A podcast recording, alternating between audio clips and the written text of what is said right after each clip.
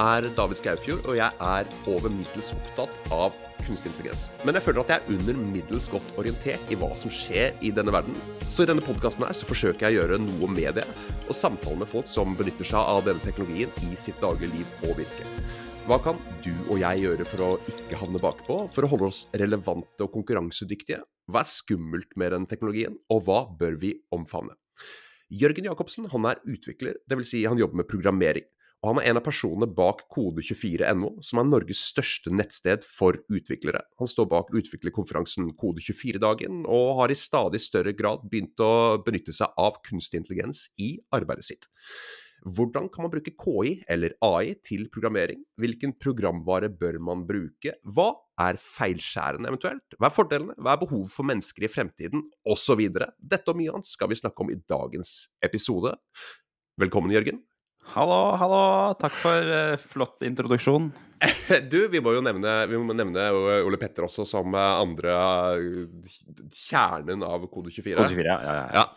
Uh, men først av alt så spør jeg alle gjestene mine KI eller AI, og hvorfor?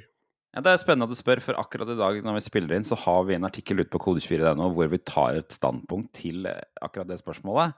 Mm. vi har diskutert det masse på, på kontoret også. Det er, det er, et veldig hett tema i, i, pressebransjen som vi på en måte opererer i. Ja. Uh, jeg, jeg, mener AI, men jeg skal forklare ja. hvorfor. Uh, eller si, jeg mener at forkortelsen er AI. Når du sier det helt ut, så er det kunstig intelligens. Og det høres kanskje litt rart ut, men jeg mener at eh, det gjør vi med andre ting også, sånn som f.eks. PC. Vi ville aldri funnet på å si personlig computer. Nei. men vi sier PC. Ikke sant? Ja. Og det er fordi at eh, det, det, låter rart å si PD. Det er liksom litt sånn upresist og litt sånn når, når, du hører en ting, og du merker at hjernen din må ta en ekstra runde for å forstå hva det er, mm. da er det en dårlig forkortelse. I mine øyne, da. Jeg er helt enig, og det, det, er jo egentlig samme argumenter som jeg bruker. Altså, i, i teorien så altså, AI er etablert. Ja. KI er ikke. Det er eh, ja, i, i, pressen så, så skjønner jeg at man fornorsker og, og bevarer språket, men vi som jobber i tech, vi trenger ikke gjøre det. ja, det er det som er litt, det er som er litt utfordringen nå. fordi jeg tror nok vår generasjon vil mene det er etablert i den forstand at vi har vokst opp med spill. Og i spill er kunstig intelligens altså AI, en veldig naturlig del av opplevelsen. For mm. du spiller med, i hvert fall hvis du spiller alene, så spiller du med uh, masse karakterer som eh, har en eller annen slags uh, fiktiv intelligens. da. Så, så, vi, og det, det blir jo kalt AI, ikke sant? fordi det, er jo amerikanske spill. stort sett det her. Så vi har jo på en måte vokst opp med at AI, AI er liksom en greie. Ja. Uh, og det ble ikke noe bedre da filmen AI kom ut. Den ble jo ikke oversatt til KI på norsk, den. Nei. Tror du det hadde gjort noe forskjell? Tror du, Hvis man hadde tatt tidlig ansvar der? Jeg vet ikke, jeg. Tror, tror, eh, jeg tror ikke det. Eh, men så ser jeg mange sier f.eks. Ja, men vi sier jo nettbrett, og vi sier ditt at datt. Så. Nei, jeg vet ikke. Det, det, jeg tror veldig på at språk skal utvikle seg litt organisk. Mm -hmm. Og det er dumt å jobbe mot det organiske. Og der jeg er nå, så føler jeg at AI er den organiske utviklingen av det vi velger å omtale kunstig som. Du eh, nevnte jo AI i spill, og, og det er jo veldig eh, altså Man snakker jo om eh, AI-revolusjonen som man sier starta november i fjor. Den har jo selvfølgelig pågått mye lenger enn det, men, men, men den, jeg vet ikke, den, den målestokken de fleste bruker, er den dagen ChatGPT ble, uh, kom i de tusen hjem. Det er vel det, det, som er markøren, eller vil kanskje bli det for etter, ettertiden. Men, men, AI har vært en del av spill i alle år, og du, du arrangerer bl.a. retrospillmessa. Mm. Har vært, vært spiller eller gamer. Hva bruker du der? Spiller eller gamer? Jeg, jeg syns, eh, helt ærlig, så må jeg si at sånn, sånn, jeg syns både gamer og spillere er ganske belasta. Så det er vanskelig å definere seg som det, for det er eh, Det, det, det, det er synes, Problemet er, og det er sikkert litt uh, vår generasjon, at det, blir så forbundet med, med slask. Ja. At jeg syns det er vanskelig å bruke noen av det i det hele tatt. Men jeg, jeg ser at folk flest omfavner gamer nå, da. Spiller, ja. spiller har ofte liksom mer eh, liksom Peker litt mer mot sånn Man of the Town-aktige greier. Skjønner du? Sånn player-type. Så derfor tror jeg kanskje at uh, hiphop bruker de mye Føler jeg blir bruke mye spiller, som at man er ja. uh, flink med damene. Uh, kunstig intelligens i spill I, i, i Pacman, for eksempel, da. Ja. Uh, kan vi si at det er kunstig intelligens i måten de fiendene, disse spøkelsene, følger etter uh, deg på? Det kommer jo helt an på hvordan du definerer kunstig intelligens. Da. Altså, den moderne kunstige intelligensen vil jo mange si at okay, det handler om eh, nye måter å, å, å, å behandle data på. Da. Så, sånn type nevrale nettverk og sånn som jeg virkelig ikke er spesiell, har spesielt peil på. Eh, mens, mens den kunstige intelligensen i type Pacman og sånn er jo mye mer eh, ren algoritmestyrt. da, At det er liksom Hvis Pacman er der, gå dit. Og så, og så er den kanskje såpass sofistikert at du tror at de har en slags intelligens. Ja. Eh, men hvis du ser det kanskje brutt ned på papir, så vil det bli veldig åpenbart at det er et mønster. Um, ikke Men er det Altså, hvis vi, hvis vi deler de to, da. Hvis vi deler det um, Stordata Nå fikk jeg lyst til å prøve å bruke Ja, norsk fotball. ja. Uh, hvis, vi, hvis vi bruker stordata, big data, på uh, mengdetrening og nevrale nettverk som den ene, uh, ja, som den ene kategorien av kunstig intelligens, og algo algoritmer som den andre En algoritme vil jo rett og slett være, som, som du da sier, hvis Pacman står til venstre for deg, gå til venstre. Ja, ja, mens den andre vil være en slags det, det, vi kaller maskinlæring, kanskje. da, At man, man eh, trener noe på data uh, for Mm. å bli smartere. En, uh, en uh, kunstig intelligens-motspiller vil jo være uslåelig, for at den vil tenke raskere enn deg. Altså, så man dummer den ned. Det er det man alltid må gjøre. Ja, det er noe med det Altså, også, så Pacman-monstrene blir ikke smartere neste gang du spiller Pacman. Nei. Du har det samme, og det er jo derfor folk som har spilt Pacman i 30 år nå, klarer å forstå hvor spøkelsene går. sånn at de, Hvis du ser i sånne moderne Pacman-mesterskap og sånn, så, så vet de akkurat hvordan de skal styre for å liksom manipulere hvor spøkelsene skal gå, sånn at de Ja. kan komme seg lenger i Pacman. ikke sant? Men det- er jo det som uh, Altså, uh, så vidt jeg har skjønt sjakk, og det her blir jeg, kan jeg bli arrestert, men det er at det handler om mønstergjenkjenning. Det handler ikke om å, å, å Altså, du, du kjenner igjen mønster uh, fra kjente spill, eller ikke bare kjente spill, men fra alle, alle mulige potensielle mønstre, og gode sjakkspillere som Magnus Carlsen kan da se for seg flere trekk fremover enn vi vanlige dødelige. Eh, og at rett og slett er det data, superdatamaskiner, sjakkdatamaskiner gjør også. De kjenner igjen alle spillene. Mm, ja, ikke sant. De klarer å gjøre en analyse på mange mange sp- spill. Ja, men, øh, men, så det der er kanskje liksom forskjellen på sånn, sånn chat-GPT og sånn funker. da, At den spiser jo store mengder data og, gjør, og klarer å gjøre masse masse vurderinger ut fra det. da. Eh, så Hvordan det, Sorry, da avbrøt jeg. Um... Nei, nei, nei jeg, bare, dette her er ikke jeg ekspert på, men jeg, jeg ser jo for meg at den har på en måte evnen til å uh, bygge så mange koblinger mellom Ja. forskjellige typer innhold at det fremstår som uh, en intelligens, da. Ja. Ikke sant? Uh, uh, prediction machines, altså det, det at den bare gjetter seg til hvilket ord som er det mest sannsynlige, basert på en helvetes mengde data, og internett måtte nå et visst sånn kritisk mengde før, uh, med innhold før det lot seg gjøre. Men, uh, men du jobber jo både innen media og med programmering, og det er jo interessant som krysningspunkt, for begge disse bransjene har vært påvirka veldig i året som gikk, og kommer til å bli det enda mer i året som kommer.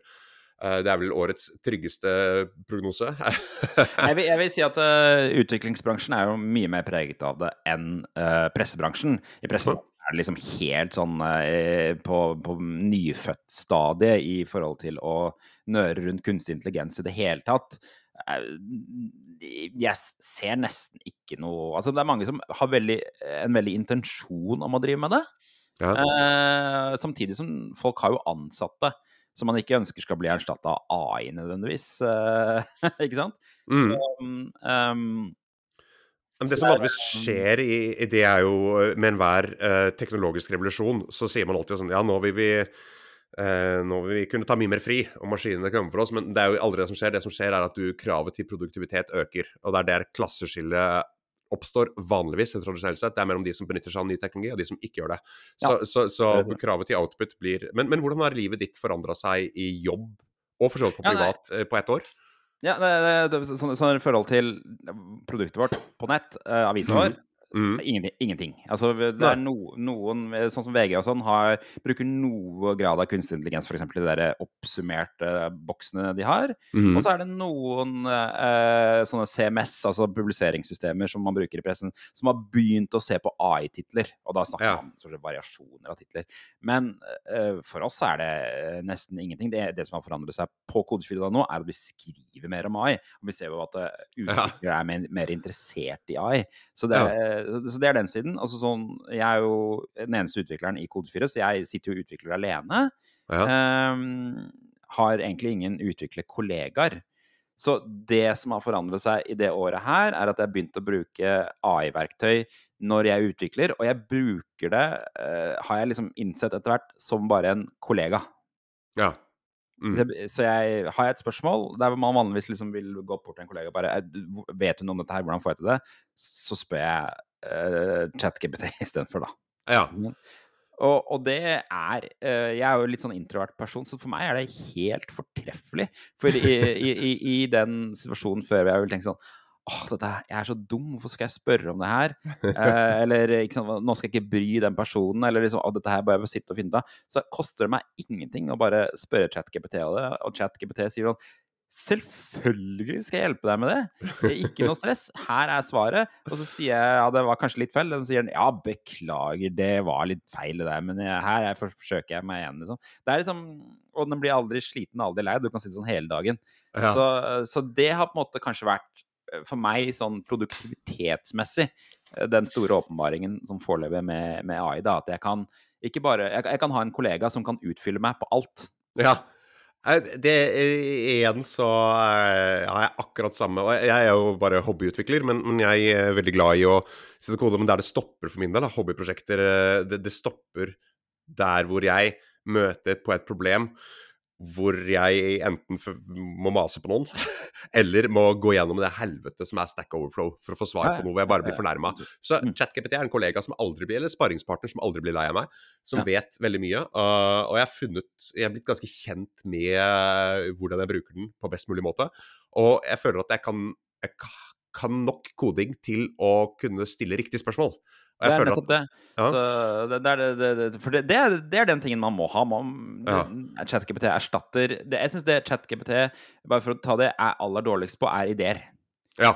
Eh, hvis, du, hvis, du, ber den om ideer, så kommer den med de mest generiske drittideene. Mm. Eh, du vil ikke tro, liksom. Altså, den, den, det, kan man rett og slett ikke bruke den til. Uh, så det er ikke noe sånn at jeg, jeg, tror ikke noe på det der at du kan sitte og skrive en roman helt via ChatGPT og sånne ting, for da det blir liksom så Eh, det blir flatt og overfladisk. Eh, fordi at eh, du skal jo gjerne I mitt perspektiv, de som skriver gode romaner, tar med livet sitt inn i romanen. Mm. Det gjør ikke ChatGPT, på en måte. Den tar bare med en sånn snedig kombinasjon av kollektive opplevelser på nettet. Ja. Men, um, 100 men, ja. Ja. Jeg har brukt den til sparringspartner for, for uh, manus og, og, sånn også. Det er der jeg har funnet den har, kommer til sin rett, det er for at alle jeg kjenner som er dyktige manusforfattere uh, innen film, TV, spill etc., fellesnevner der er at de har det handler ikke om utdannelsen deres, stort sett. For det, det er 50-50 om de er utdanna eller ikke. Det er mengdetreninger og hvor mye film, TV etc. de har konsumert, kombinert med levd liv. Det er liksom det som er ja, ja, ja. observert. Liksom, og... du, du, trener jo din egen AI, du også, liksom. Altså, alle, vi gjør jo alle det, liksom. Det er jo det som er altså, det, Mange tror at liksom, kreativitet er oppstår i et vakuum, men det gjør ikke det. Det er jo bare levd liv som er kreativitet, liksom. Eh, og så er det sånn at jeg tror at mennesker er ekstremt dårlige på å forstå Uh, store mengder med data og store, komplekse ting. Ja. Og da, da, har vi en ten tendens sånn historisk til å tro at det er magi. Mm. Og, eh, så, så derfor det er, kanskje derfor vi blir litt sånn uh, eh, forbausa når vi er i møte med ChatGPT. Men, men, jeg tror jo veldig på at uh, altså, ideene og, og liksom grunnstammen må komme fra deg. Så kan du jo selvfølgelig bruke ChatGPT til å fylle ut og få ideer og liksom uh, ja, ha en ekstra kollega, da, kall det det. det erstatter på en måte den kafeen du satt på før og tok en øl med noen og fikk noen nye ideer videre i, i romanen din, eller hva, hva du holder på med, liksom. Absolutt. Um, og, og det, det, den der sparringen den syns jeg er vanvittig verdifull. For at eh, hvis du ber den komme opp med ti Jeg gjorde det i, i skrivepodkasten her, så ba den komme opp med ti episodeideer til X-Files-episoder. Og det var sånn eh, Det var tydelig at, eh, at den visste hva X-Files var, og kom ut med ti fullstendig forglemmelige X-Files. Sånn, hva om de møter ja. en varulv? Men så viser det seg at det er bare lokale vaktmesteren på lokale skoler uh, som har kledd seg for han vil ikke ha folk der. Men kanskje det er en varulv Vel, så både Mulder og Scully har litt rett. Altså, OK, eh, greit. Eh, men det som funka, var at jeg ga den sit, et sitcom-premiss. Og uh, dette er jo irrelevant i forhold til koding, men det er interessant for at det er litt lignende bruksområde. Men jeg finner at den er koding er det ChatGPT er best til, punktum. Men jeg, jeg ga den en sitcom-premiss, og så ga jeg den åtte episoder, og så ba jeg den komme opp med to ideer til.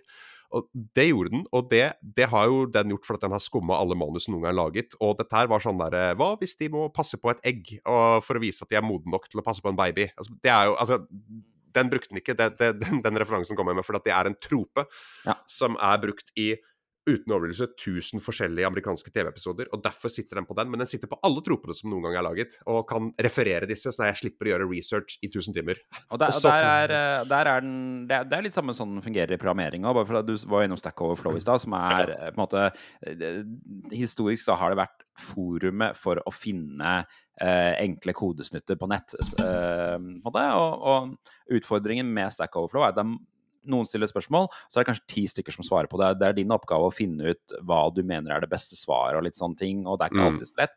Ofte så er det noen diskusjoner inn der hvor de kommer fram til svaret. Men det ChatGPT er så god på, den har skumma alle disse sidene her. Og den uh, har klart på en eller annen finurlig måte å finne ut hva som er det beste. Og det er ikke sikkert det er det beste, men den har i hvert fall en mening om hva som er det beste, og gir ja. deg det. Og så slipper du å tenke noe mer over det, og det er utrolig effektivt, da. Um, så, og den, den, den, kan gjøre det samme på typisk sånn Jeg bruker et publiseringsverktøy som heter eh, Sanity eh, til meeting på Kode 24. Norskutviklet CMS. Men de har ganske dårlig dokumentasjon. Mm. Men, men ChatGPT har ekstremt god dokumentasjon på det. For den har jo vært gjennom alle andre steder hvor noen har surra med kode og funnet ut ting. ikke sant? Så, eh, og den svarer jo med den største selvfølgelighet hva som er det riktige eh, svaret. ikke sant? Det er utrolig deilig. Og den har rett òg. Ja. Eh, så, så, det er på en måte sånn jeg har uh, brukt, uh, brukt, AI i år. På, på, det praktiske settet, da, så bruker jeg noe som uh, heter GitHub Copilot i utgangspunktet. Ja. Som er en tjeneste fra tjenesten GitHub. som er egentlig bare et sted hvor alle utviklere legger koden sin. Ja. Det er egentlig forklart. Det er på en måte et versjonshåndteringssystem hvor man laster opp koden sin. Eh, mange kan sende en kode, og så sjekker den eh, med konflikter i kode i filer og alt mulig rart. Det er et finurlig system. Eid av Microsoft, som, og Microsoft er jo de er vel hovedaksjonær i OpenAI, som eier ChatGPT. Ja. Så det er en slags kobling der. Jeg, Copile bruker vel ChatGPT under panser. Jeg vet ikke helt hva slags versjon de bruker, men uh, sånn det manifesterer seg, da, er at uh, GitHub Copilot er, uh, slik jeg bruker det, en utvidelse til programmet VS Code, som er editoren jeg bruker for å skrive kode. Mm -hmm.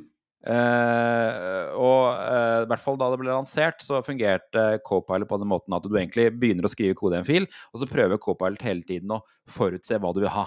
Ja. Det er liksom sånn det funker. Så enten så ved at du bare begynner å skrive navn på en funksjon, som du kaller et eller annet, og så fyller Copilot ut videre. Eller at du bare skriver en liten kommentar som ikke skal med i koden, og så gjetter Copilot ut fra det, da. Uh, ja. La oss gå tilbake på det, for at uh, VS Code har jo da i alle år hatt det som heter IntelliSense, som altså er sånn predictive uh, de, de, gjetter seg til neste ord du skal skrive, så når du begynner å skrive Og jeg vet, jeg vet ikke hvor sånn uh, intelligent den er, eller hvor mye den er hvis du skriver Voi, så gjetter han seg at det skal være void. Altså at det, ja. det, du, den bare tar stammen av ordet, og så gjetter han seg til resten med ja, den er, ja, den, den, er veldig mye mer dum, da. Er, det, det, forskjellen er jo egentlig at intelligence, oppgaven dens er egentlig bare å forstå språket du skriver i, og hva ja. du trenger for å for liksom gjøre det riktig i forhold til språket. Ja. Uh, men den forstår ikke, den forstår ikke på en måte logikk, da. Nei, ikke sant merker at det er noen utenfor døra her som, eh, som klager. Jeg håper, eh, det kommer sikkert på mikken. Hvis ikke, så er det, er det. Hører ingenting. um, nei, for altså, okay, så den, den, det er syntaks og språk, mens den andre gjetter seg til programmet, på en måte? Kan man si det så? Ja, ja uh. Copilot, så, så Copilot sitter på mengdetreningen av det at folk har mata GitHub i alle år med all sin kode som finnes i hele verden, omtrent? Ja, eh, og det er veldig vanlig på GitHub også å ha åpne prosjekter. Og det gjør jo at det er veldig lett for eh, en AI å, å konsumere alt det her og, og, og, samle mye data, da. Så det er det som er fordelen her.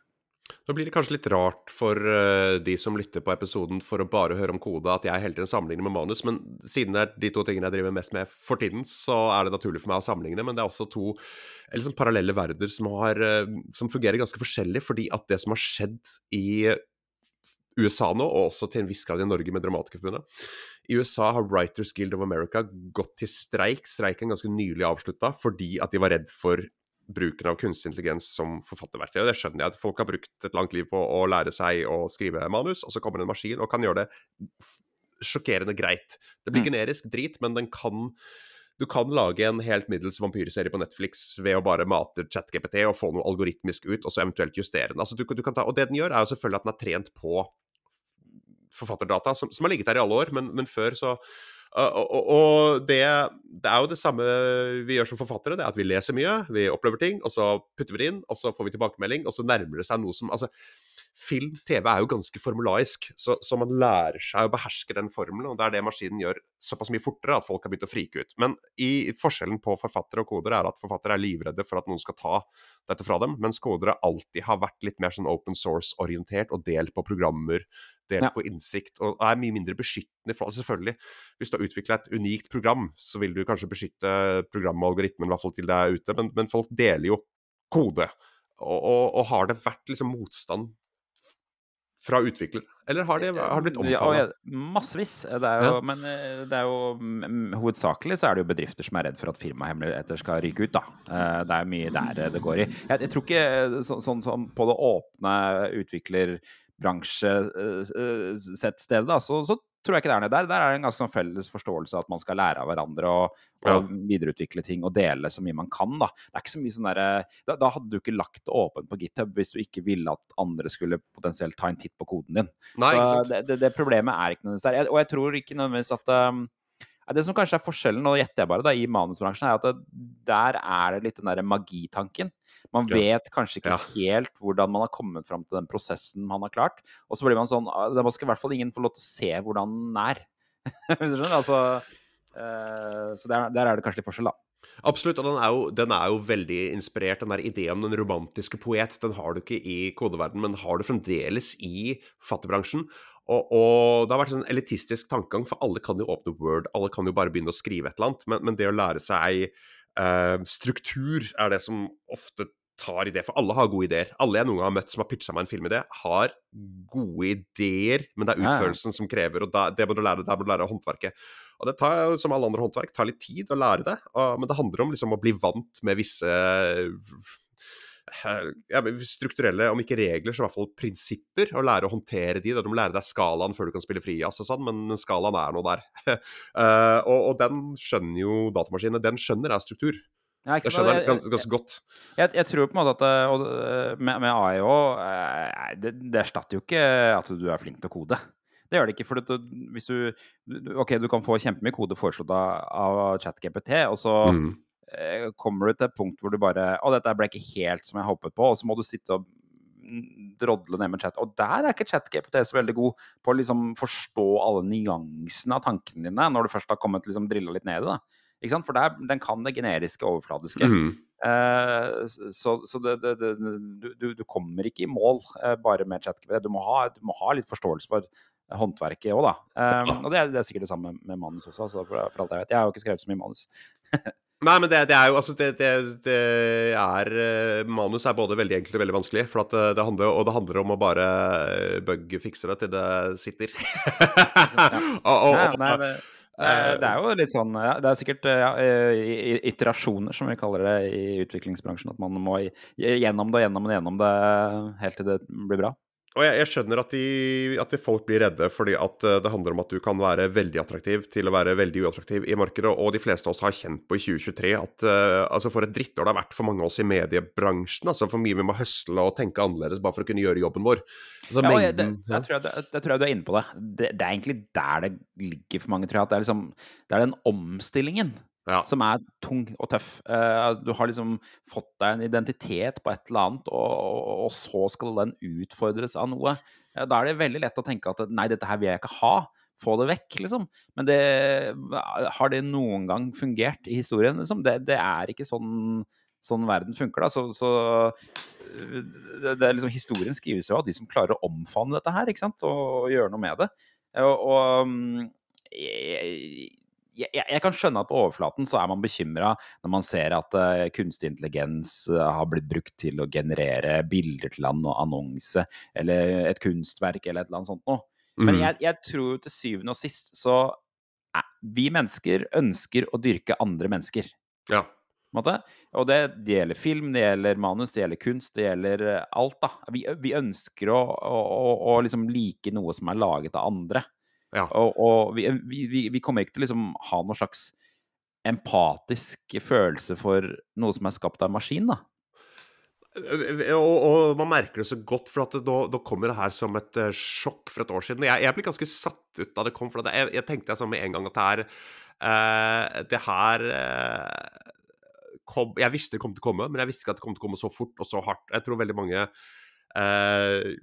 følte på samme måte, og jeg ble også ganske sjokkert over kvaliteten på ganske tidlige Midjourney-bilder og ja, ja. Dally-bilder, før jeg nå har blitt ganske lei av det uttrykket. Jeg kjenner igjen ganske fort, men menn bruker det veldig mye til mockups og sånne ting. Skal jeg lage en presentasjon, så kan jeg bruke to timer på å finne riktig bilde på, på Google med sånne stokkfoto-branding i bakgrunnen og som jeg må fjerne i Photoshop eller kjøpe ut, eller bla, bla. Eller jeg kan bare be den om å gjøre noe. Det er helt innafor at det er uh, lagd av en maskin. For hvis jeg skal lage noe kommersielt ut av det, så ønsker jeg å betale en uh, De eksisterer side om side, men, men, jeg har lyst til å ta tak i et eller annet du sa der. Det der har det noen gang funka å kjempe mot dette? For det er der jeg føler sakens kjerne ligger for min del. Og jeg har lyst til å ta oss tilbake til år ca. 2000-2001, rundt IT-bobla. Ja. Fordi at vi, har jo, vi er jo omtrent samme Jeg er 80-modell, du er 83 eller noe sånt. Kan det stemme? Vi vokste jo opp i liksom demoscenen. uh, og, og veldig mange folk som var utrolig flinke der. Jeg kjente veldig mange um, IT-folk, veldig mange kodere, som var sinnssykt flinke sinnssykt tidlig. Altså, de var 16 år og lagde egen programvare i DOS, i assembler og C++, og mm. nivået var bare så høyt at når jeg liksom Så tenkte jeg sånn Er det bare er det bare for at jeg var 15 og de var 16 og det virka sinnssykt? Så jeg har gått tilbake og sett på det laget. Nei, nei, det her er rimelig sinnssykt til å være 1995-1996, tenåringer uten noen tilgang til internett, begrenset dokumentasjon. Du må på biblioteket for å lære deg kode fra en utdatert Pascal-bok, ikke sant? Eller finne noen som heldigvis kan akkurat det der.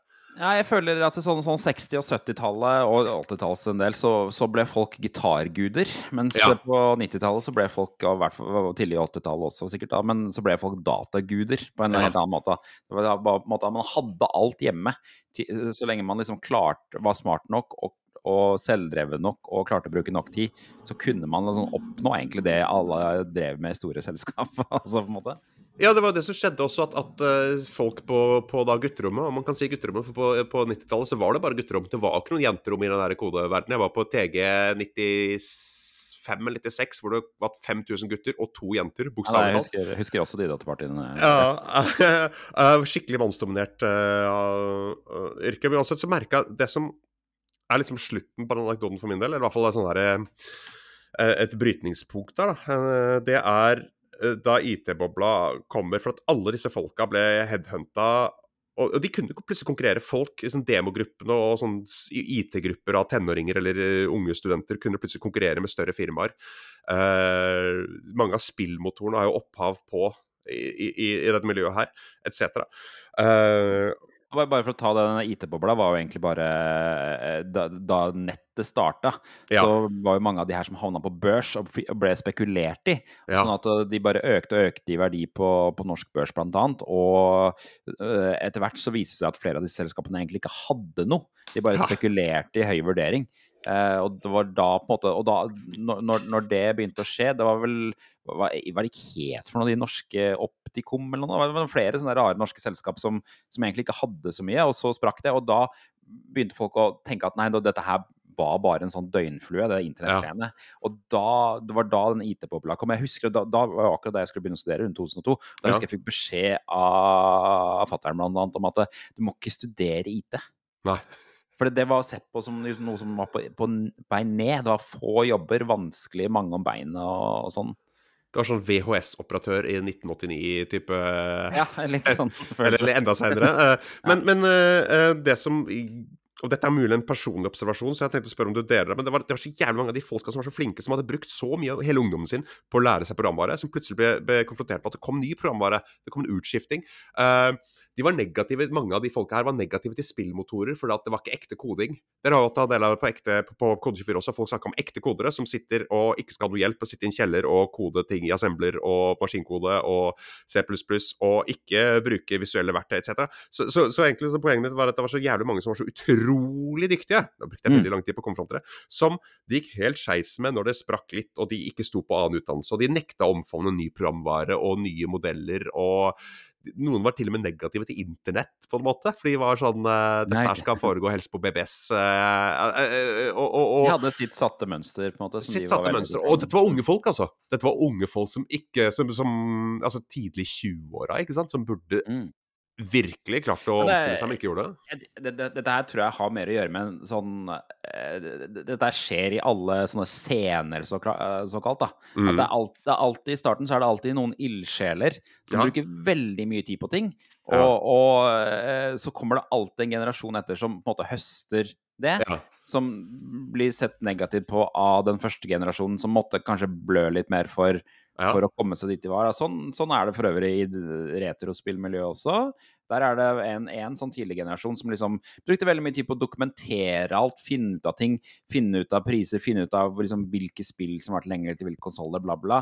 Og, og som er sure når noen andre kommer og bruker den informasjonen de har lagt fram til å selge noe på finn.no. ikke sant? Det, Ja, ja. det, det er nok en litt naturlig gang i det. Men om, om det eh, skjer nå i utviklingsbransjen, det er jeg litt sånn det, er- det, er nok en, det er nok et snev av det, men jeg tror nok det er mer, mer frustrerende alle de mellomlederne som kommer og skriver på Facebook. Ja, nå, nå, er det, nå, nå, har jeg bare, nå skriver jeg bare min egen app i ChatGPT. Jeg trenger ikke utvikle lenger. Eh, For det, det tror jeg ikke er sant. Eh, egentlig. Eh, det, det, er- fordi det, Man hører aldri at den appen kommer ut. Nei. Skjønner du hva jeg mener? Altså det, man hører alltid at det er liksom noen som de, Kanskje de fikk til å lage en kalkulator, liksom, men, som lå ute i Javascript et eller annet sted. Men det er noe helt annet å bygge en svær applikasjon ute, som, som er ute i drift, som har brukere. Det er, det er et helt annen eh, approach, da. Ja, det, jeg, tror, jeg tror det der umiddelbare sjokket i positiv og negativ forstand, det altså, det døyva seg litt, og man har funnet et reelt bruksmønster for det. Jeg for eksempel, jeg bruker, uh, jeg bruker en del spillmotorer, så jeg bruker Unity en del. Og det å stille ChatGPT spørsmål i Unity Du får så sinnssykt gode svar, for det ligger så Ja. utrolig mye dokumentasjon og mengdetrening. Og en annen ting, folk gjør alltid det samme. altså Utførelsen av spillet er eh, ofte unikt, men hvor, hvor øh, Når møtte du sist gang på en unik kontroller i et spill? ikke sant? Du har jo FPS, du har én million FPS-spill i år, altså First Person Shooter-spill som kommer ut hvert år.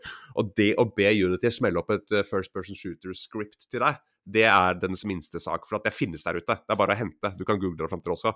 Ja, det er Eh, for, for øvrig en stor krangel vi har på kontoret stadig vekk, er at jeg mener at alle spill er FPS, og derfor er de kjedelige. I 2024, eller 2023, da. Uh, men jeg skjønner jo også at det er liksom nyanser i historie og mekanikk innafor en FPS nå, da. Men uh, det føles jo bare ut som måte, det, vi har landet på den, den, eh, den ene sjangeren som er det alle spill skal være, og så handler, nå handler det mer om å lage eh, den gode historien rundt det, da. Ja, og det er litt sånn Jeg merker det selv i dag. Jeg fyrte opp. Jeg hadde plutselig tid for meg selv på morgenen, noe jeg ikke har. Så har jeg masse sånne spill som, som månedens spill på PlayStation, som du får ved å abonnere på den uh, flerspillertjenesten du aldri bruker. men, men så lasta jeg ned noen spill jeg har hatt skikkelig lyst til å spille lenge, så merka jeg at det her gir meg faen meg ingenting. Bare alt ser så likt ut, og altså, det er så sjelden at jeg som nå er en casual gamer, uh, kommer over det store, unike spillet, og det er liksom Det, det skjer. Og, men det siste var, nettopp det dere sier, det var Uh, det var Red Dead Redemption uh, 2 og Cyberpunk uh, som var de Oi! Der river David ned Nei, river utstyret mitt i, i protest her mot eh, at alt er blitt så generisk. Nei, det er veldig mye generisk, men av og til så dukker det opp Nå skal jeg referere til et altfor gammelt spill, men jeg husker da Portal kom. Spilte du det?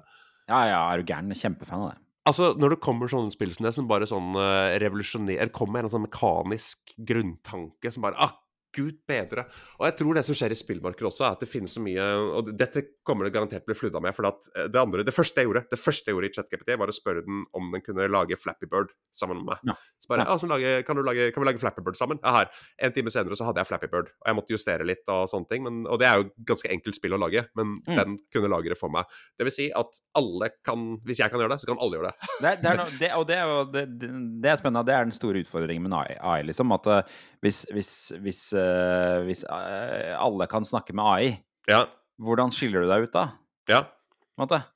Og det er, jo, det er jo ikke noe gøy når alle lager den samme I utviklingsbransjen så er det veldig vanlig å liksom lage to do-apper. da Og hvis Ja. du går inn og ser for Det er liksom ofte sånn det, det første eksempelet man lærer seg, ikke sant. Mm. Uh, og hvis man går og ser i AppStore, så er det så mange to do-apper. Eh, så, så, så det er liksom du, du, du må jo ha et eller annet. Du må ha noe bedre ideer for å skille deg ut. da.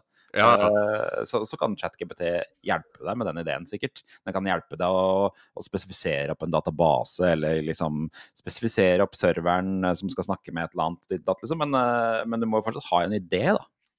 Det derre priesthood som omtales eh, i boka 'Hackers Heroes of the Computer eh, Frontier', eh, det er jo de, der, de originale munkene som kunne programmere og dermed bruke datamaskinene. Det, eh, det spiller på det, der, det du sa om at den, den første generasjonen som baner vei, de blir alltid litt bitre når de neste får det gratis, men det er jo fordi at Ja, det er jo fordi at de nettopp baner vei at man kan gjøre det. Og det er det er samme som alle som hadde et punkeband på 80-tallet, blir skuffa når én av kompisene i bandet bryter gjennom og spiller det de kaller kommersiell musikk, for da er de sold out. Samtidig som de bare sitter som en sinte gjeng med bitre punker i en garasje og spiller dritt. Eh, men, men denne priesthooden var jo de som liksom kunne programmere på det Munkebrorskapet var det gjengen som kunne programmere på hullkort og sånn. Og det er jo ingen grunn til at du skal, skulle måtte gjøre det for å kunne lage et program. At du må vite hvordan et lysstoffrør funker, liksom. Nei. Bare... Nei, så, så, så jeg, jeg tenker jo at liksom eh, Når du, når du har en idé altså For å ta programmeringsgreia, da, når du Mm. har en idé, du har en tanke om hvem som har behov for å bruke den ideen eller, til å gjøre livet deres bedre, mm. så, så herregud, bruk hva slags verktøy eh, du vil for å få til det. Det er, eh, det, det er et problem i utviklingsbransjen generelt, at man er altfor opptatt av ting som brukeren ikke ser. Ja. Du skjønner, altså øh, det, i, det store og hele så spiller det ingen rolle. og Det er en litt sånn der komisk greie i utviklingsbransjen generelt. At du kan helt fint bruke teknologi som øh, folk brukte i 2001 til å Mhm. lage en nettside i dag, og den kommer til å fungere helt fint. ja. Eh, du får kanskje ikke liksom så moderne javascript og sånn, liksom, men PHP, som folk brukte da jeg begynte å studere, kan fint bruke det i dag. Mange store som kjører på det. Eh, så det, det er ikke noe Det er ikke noe Det er ikke nødvendigvis noe mange, mange liksom luller seg veldig inn i den tanken om at det, alt må være helt fantastisk. Mm. Men, men Og det kan godt hende at det er liksom din, din indre motivasjon, men, men så, for dem som bruker dette her, så er det jo ikke det. Liksom. Og det, sånn er det sikkert litt i manusverdenen òg, ser jeg for meg. At liksom, noen kan bli veldig sånn at bare, å, den, den tar så mange snirkler, den er her, og den er så liksom komplekst strukturert og sånn, men det er jo ikke nødvendigvis det som gjør at det blir et fantastisk eh, manus eh, og en populær uh, greie, da. Forskjellen er jo at i manus er det veldig sånn eh, strukturen blir veldig transparent, da. Altså du, du, og du legger først merke til når det er noe galt, mens du kan jo ha Det er jo, det er jo en trope i, i kodeverden at, at du kan ha ting som ikke burde funke, men som gjør det. At det liksom folk legger kommentar sånn Her har folk kasta bort 285 timer på å prøve å fikse koden. Eh, Da jeg, jeg tror det er et meme jeg så her for, om dagen, som sikkert uh, um, de fleste kjenner, som var rett og slett, hvis jeg skal parafrasere det, sånn sånn Hei, da jeg lagde det programmet, så visste bare Gud og jeg hvordan det funka. Nå er det bare Gud som vet det, for jeg har glemt det. Og her har folk brukt 285 timer på å fikse det. Uh, du kommer ikke til å klare å fikse det, bare la det stå. PS til alle utviklere, skriv inn hvor mange timer du kasta bort her. Det, bare for å gå, gå tilbake igjen til, til sånn jeg bruker um, Copilot. Ja. Eh, Det har verktøyet mitt i, i VS Code. eh, er egentlig at det, Da det startet, så var det et verktøy som bare foreslo. Uh, og så har de videreutviklet det nå til at uh, man egentlig får en liten sånn sidebar i, i editoren. Mm. Man egentlig kan chatte med Copilot. Og det som skiller Copilot eh, fra å bruke ChatGPT, Mm. er at eh, Copilot vet om filene dine. Ja. Sånn at når du skriver 'Jeg får ikke helt til eh, den funksjonen her eh, eh, i- i- og så, eh, som, som heter ditt og datt', og så sier uh, Copel 'Å ja, det er i den fila der, ja, der tar jeg en titt', og så ikke sant? ja. Eh, og det er veldig lett å tenke seg til hvordan det kan videreutvikle seg, i den forstand at liksom i teorien så kan det være bare at du åpner eh, eh, prosjektet ditt i, i VS Code, og så setter den i gang med en gang og titter gjennom bare Hei, vet du hva, jeg tror kanskje at du burde fikse det der, for det her er potensielt et sikkerhetshull, og ikke sant. Så det, ehm, det, det, det eh, AI ikke er god på nå, er å være proaktiv. Ja. Du hva jeg mener? At den liksom starter samtalen. Nå er det alltid du som er igangsetteren. Så kommer man til det punktet hvor AI egentlig prater til deg. Ja. med, om dine ting, så tror jeg man har en mye mer spennende dynamikk, da.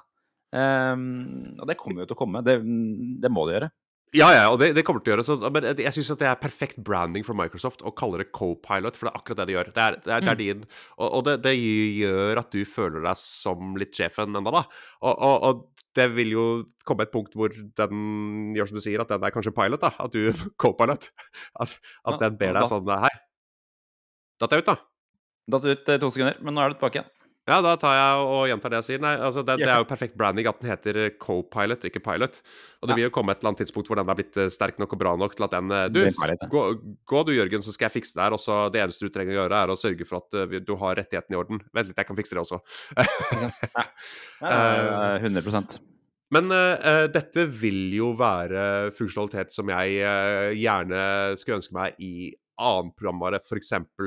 Uh, si at det er andre programmer jeg bruker som jeg ikke er spesielt flink i, som f.eks. Blender, After Effects, uh, også Photoshop, hvor jeg vet hva jeg vil gjøre, men jeg vet ikke hvordan jeg gjør det. Og da kunne jeg tenke meg sånn herre Hei, hvor ligger lassoverktøyet? Så bare peker den. Enig, for det var jo sånn eh, før i tiden i hvert fall, så var det et helvete å bruke denne help-menyen. For den er jo Ja. umulig å søke opp ting i. Og det gjelder, det gjelder eh, Photoshop, og det gjelder Microsoft holder jo på å rulle ut i sin programvare nå, Word, og de kaller det Copilot overalt, eh, for øvrig. Ja. I Excel og alt mulig. Så, mm, så det- det kommer til å komme, og det kommer til å være dritbra. Det kommer til å bare gjøre, gjøre at folk, mange flere, får muligheten til å bli flinkere på verktøyene. Tror jeg. Der sa du det, for at det handler om å, å bli flinke. For at uh, Ja, hvis den teknologien kan hjelpe meg som person til å bli flinkere, så syns jeg den kommer til sin rett uh, 100 For at uh, Jeg vet ikke hvordan du lærte deg programmering, men uh, det var jo omtrent på samme tid som jeg gjorde det, og da var det sånn veldig snevert med dokumentasjon. Og når du først fant noen dokumentasjon, så kaster man seg over det. Jeg husker jeg hadde sånn der, eh, demoscene-tutorials fra en fyr som het Dentor fra Asfyksia. Asfyksia. Mm. Ja, Du var borti det, du òg? Ja, Asfyksia, det er noe sånn kve... Jeg har aldri sett det navnet. Er det, sånn, det er sånn kveling. Kveling, ja. Det, er Det var en dude i Sør-Afrika som skrev sånn tutorials. Sånn, sånn koder du Jeg husker ikke hva det var. Shadebobs, tunneler, uh, sprites Altså et veldig sånn enkelt knippe med visuelle effekter. Og det betyr at alle lagde disse her, for at du bare absorberte den dokumentasjonen og eh, Og det ble ganske generisk uttrykket, da. Og, og så var det sånn uh, Men hvis du først hadde klart å komme komme over den dokumentasjonen, så, så kom du et nivå opp når du klarte å observere. Men nå er all dokumentasjon tilgjengelig. Jeg leser disse skremmende mye snart tilgjengelig, så jeg, jeg føler at jeg jobber med unge folk i kode i, i sånn kodeklubb, da, med sånn Lær kidsa koding-nettverket. Og det som jeg merker der, er at de som er møtt De, er liksom, de har all verdens dokumentasjon tilgjengelig. De føler litt sånn avmakt. Ja, det kan jeg skjønne. Det er jo øh, Men det er jo det samme man føler på når man har Netflix og alt mulig annet rart. Liksom, man klarer jo. Sitter hele, hele kvelden og prøver å velge en film, liksom.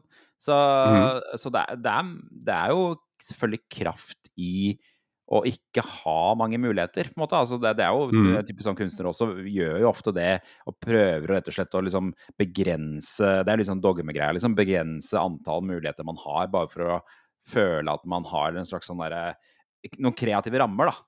Ja. Um, og det, det, det er sikkert litt sånn i, i programmering også. Altså det er jo litt sånn at man Det er så mange språk og så mange rammeverk og så mange biblioteker nå at man må bare velge et eller annet. Og kanskje, kanskje det er fint at ChatGPT bare velger det for deg. Så slipper du på en måte så, Men så, sånn, sånn læring for min del, da. Jeg, jeg, jeg syns jeg er ganske treig på å lære. Jeg har, har en slags teknikk som jeg har lært meg, hvor jeg ser gjennom ting, og så må jeg gi det en uke.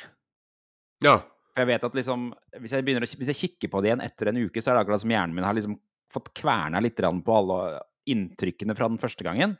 ja. Og da har liksom noen av puslespillbrikkene landet litt. Så da har, er, jeg på en måte klar til å absorbere resten. Skjønner du hva jeg mener? Det er en sånn teit prosess. jeg skjønner akkurat hva du mener. ja. Eh, det underbevisste. Så når jeg starter opp igjen for eksempel, sånn, Jeg begynte jo å kode igjen etter 20 år. For jeg vet ikke, halvannet år siden eller noe sånt. Da begynte jeg aktivt å, å, å kode igjen. Og det var sånn Åh, den derre første gangen du åpner eh, hva enn det er Jeg begynte med processing. Blant annet, bare sånn, Å, gud, i helvete, det her gikk treigt. Men så, så bare så åpner du den døra igjen, og, og dagen etter allerede så funka det dobbelt så bra for min del. Og så Det er som å varme opp. Det er kroppen husker, hjernen husker. Men jeg brukte jo, tok jo nylig sertifisering på Noroff Accelerate i både Javascript og Python. Og sånn der, da var det jo veldig sånn Ikke bruk ChatGPT, vi kommer til å se det. Men det, jeg brukte jo ChatGPT til å spare med, eller istedenfor slå opp i en gammel bok. Så bare sånn Ja, hvordan funker den her? Gi meg tre eksempler. Kjempebra bruk av ChatGPT. Men jeg brukte den også hver morgen for å bare få hjernen i gang. Det var sånn Hei, still meg ti quiz-spørsmål Python, beginner level. Og det, var sånn, det er smart. Ah, det var en kjempefin måte å starte på. Da, da, var det sånn, og da stilte den seg Vil du ha det vanskeligere? Ja. Så begynte den å stille intermediate level. Hadde ganske god oversikt over hva det var. Jeg brukte også ChatGPT til Godot, den nye spillmotoren jeg har begynt med etter at Unity begynte å kødde til og skulle ha masse penger for uh, kommersiell bruk. Uh, Godot, for øvrig, fantastisk spillmotor. Um, jeg vil si den er uh, til min bruk vel så bra som Unity. Jeg har vært inne og sett på den. Virker veldig ålreit. Ja fantastisk. Og den bruker eh, noe som heter GD-script, som er en eh, Det er jo i praksis Python, uh, med et par endringer. Men når jeg stiller ChatGPT spørsmål om Godot, så sier den mye feil. Mens Unity er det alt rett. Og det er mengdetrening, og den har trent på, blitt trent på Det er dårlig dokumentasjon på Godot. Det er mye færre brukere. Det vil si at Uh, du får dårlige svar fra ChatGPT. Og det er såpass mm. irriterende at jeg skjønner at folk hopper Altså hvis, hvis, man lener seg mye på ChatGPT, så skjønner jeg at man hopper fra Godot til Unity, for da vil du få riktige svar. Men det leder meg inn på et konkret spørsmål. Det er da du lærte deg kode. Uh, mm. Da jeg meg kode, så var det sånn litt som å spille Sierra-spill. At du kunne stange hodet mot veggen i ukevis. Og når du endelig fant løsningen på problemet, så var det en eh, fantastisk opplevelse. Men nå, som er både når jeg koder og når jeg spiller Sierra-spill, så orker jeg ikke å stange hodet mot veggen mer enn fem minutter.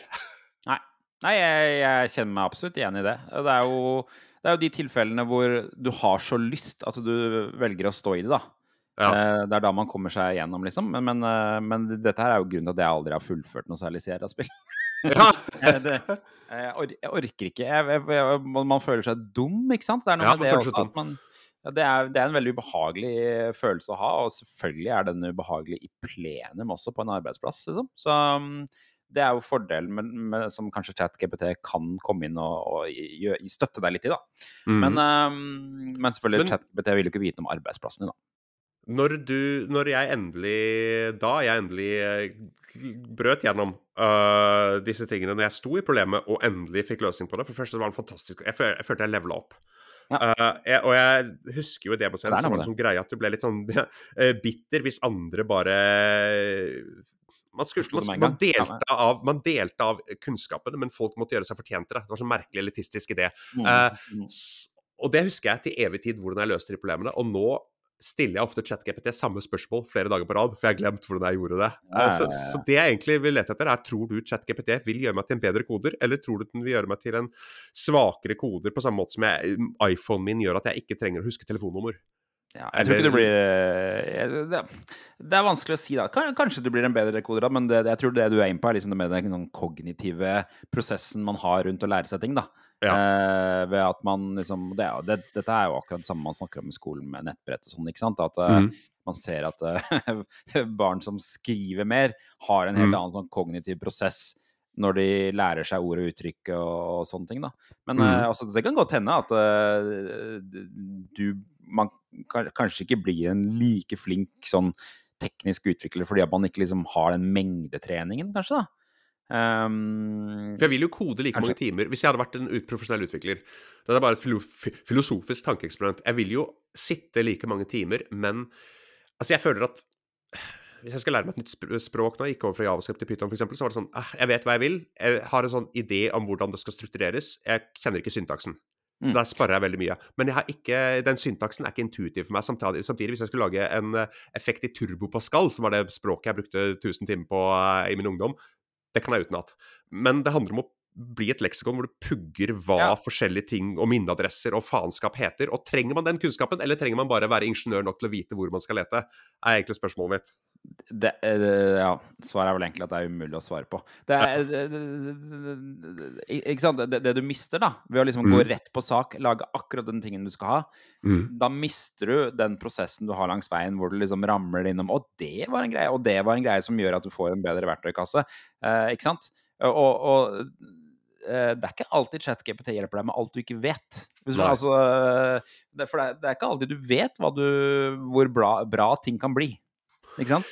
Så mm, Ja, nei, det er vans vanskelig å, å, å svare på, da. Det, jeg, jeg, jeg tror jo at eh, jeg, tror man har jo De, de fleste som, som driver med javascript, vil si du har veldig godt av å bare lese dokumentasjonen. Ja. Eh, Jeg husker jeg pleide deg, I gamle dager så pleide folk alltid å si til meg at du burde lese koden til jQuery, som er et sånt, var et sånt verktøy alle brukte for å jobbe med javascript for å gjøre ting enklere. Fordi Mm. at en ting er liksom å få til å bruke jQuery, det, det rammeverket, for å gjøre ting raskere, men å forstå hvordan de har brukt vanlig avskript til å bygge jQuery for å gjøre ting raskere, er vel Ja. så viktig, eller nyttig å forstå da, i, i praksis. Så ja, ja, det vet ikke jeg. Hva, det, det kommer litt an på hva du ønsker, da. Ønsker du å bli en flink programmerer? Ja, da tror jeg kanskje at du ikke du bare skal sitte med ChatGPT, liksom. Nei, for at det, det er jo en del av det også. Det vet jeg ikke hvordan det er. Altså, jeg, skjønner jo veldig godt ja, For å si det her, da. Det, det, er jo veldig Nå daterer jeg meg nok en gang til, til min oppvekst på 90-tallet. Men, men da, hvis du lagde spill på 90-tallet, så var en spillutvikler en god koder så å si alltid. Du, du, for, og, men for meg så hang de to tingene sammen. At du ønska å lage spill, og at du likte å kode. Det hang sammen. Men nå er det jo spillutviklere som vil gjøre minimalt med koding. Ingenting. Være gamedesignere det er to separate Det har ingenting med hverandre å gjøre, da. Uh, og, og du kan Samtidig så har du noen på å jobbe med, med spillfirmaer de siste årene her, og, og da har du gjerne noen diskriminert på andreplassen som er knallharde, ekte kodere, som, uh, som det kalles, og noen som tar veldig lett på å bruke engines, eller egentlig bare designer. Og driter i kode, for hvorfor skal de bry seg om det hvis det de er ute etter er å lage en fantastisk narrativ opplevelse, eller uh, Mm. Et musikkspill med ja. så, Jeg så, tror- så jeg tror noen kanskje vil ha lyst til å være en god koder fordi at det ligger i sporten, da. Det tror jeg mm, Ja, det, det, det, det kan nok eh, hende, det. Altså, jeg vil tro, jeg vil tro det. Jeg føler i utviklingsbransjen møter jeg veldig mange forskjellige mennesker. Noen mennesker er liksom veldig fokusert på produktet, og noen Ja. er veldig fokusert på koden. Det er liksom litt to forskjellige typer Hvor er du? Karakterer. Jeg er nok veldig produktfokusert og kan slurve mye og skrive mye dårlige ting og, og teipe ting sammen og satse på at ting funker, liksom. Ja. Uh, og så heller, må jeg heller ta den lange reisen rundt etter at ting er ute med å fikse det uh, og rydde, rydde opp i feilene mine. Mhm. Uh, mens noen vil fikse enhver feil før den skal ut, ikke sant. Ja. Og det, det er nok lurt å møtes på midten der.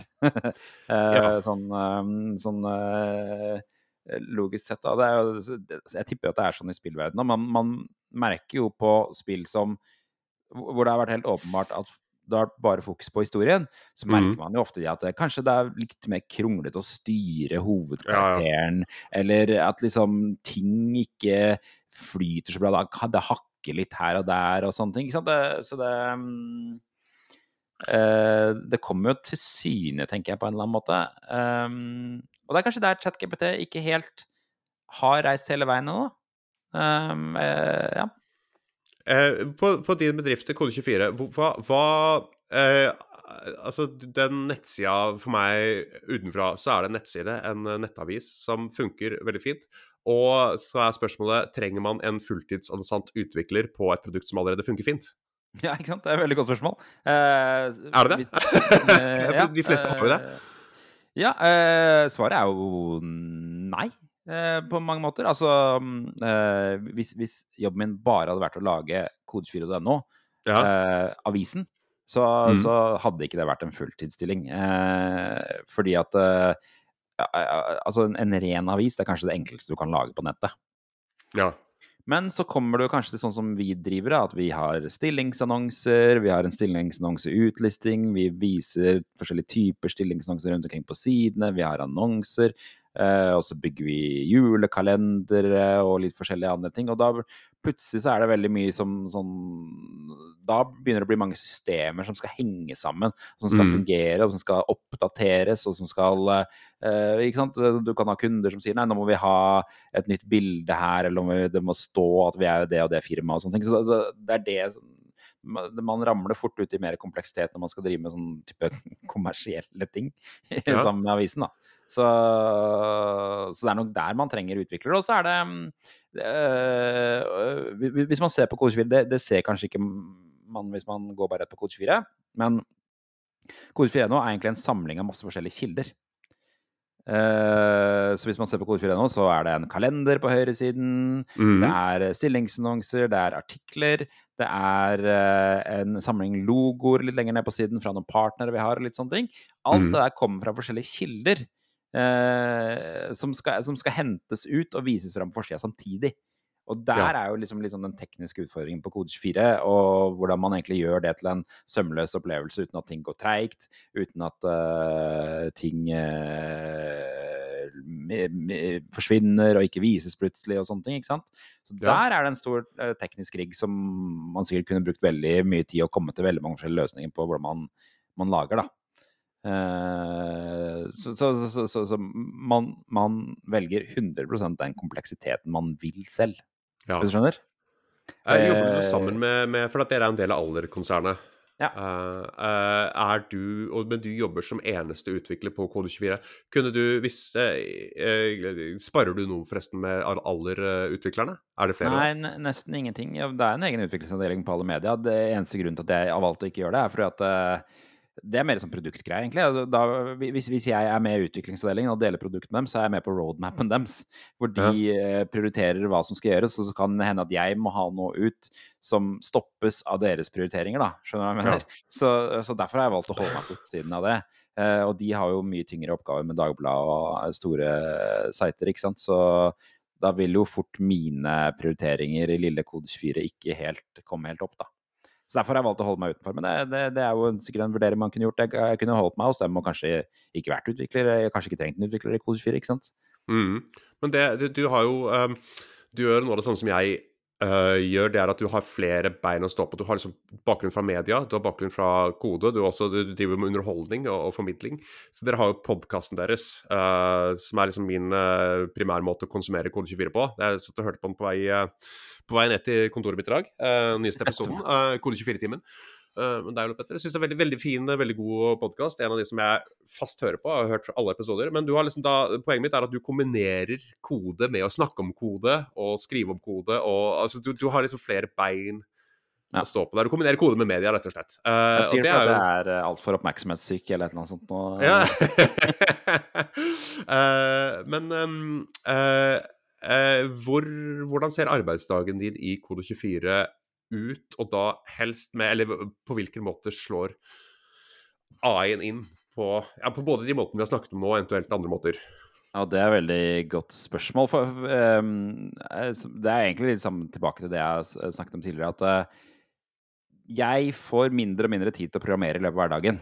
Mm. Det betyr også at liksom, jeg må treffe planken uh, ganske godt når jeg Mhm. holder på med ting, da. Eh, fordi at eh, hverdagen min er eh, mye møter, jeg har medarbeideransvar, så jeg må følge opp folk. Jeg driver med Kode 24-dagen, som tar ganske mye tid, og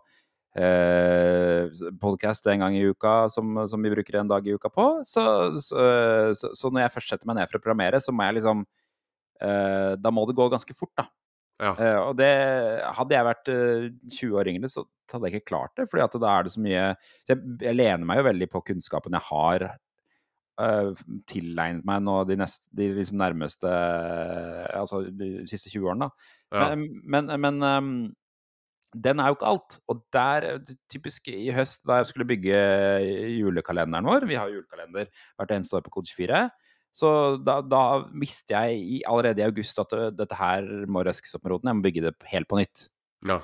Uh, som er typisk en ganske hard jobb for én person. Det er et litt komplekst system uh, på julekalenderen vår, i den forstand at det egentlig er et spill. Uh, Det er Windows 95 eh, eller 98 Ja, det- det- er ikke det?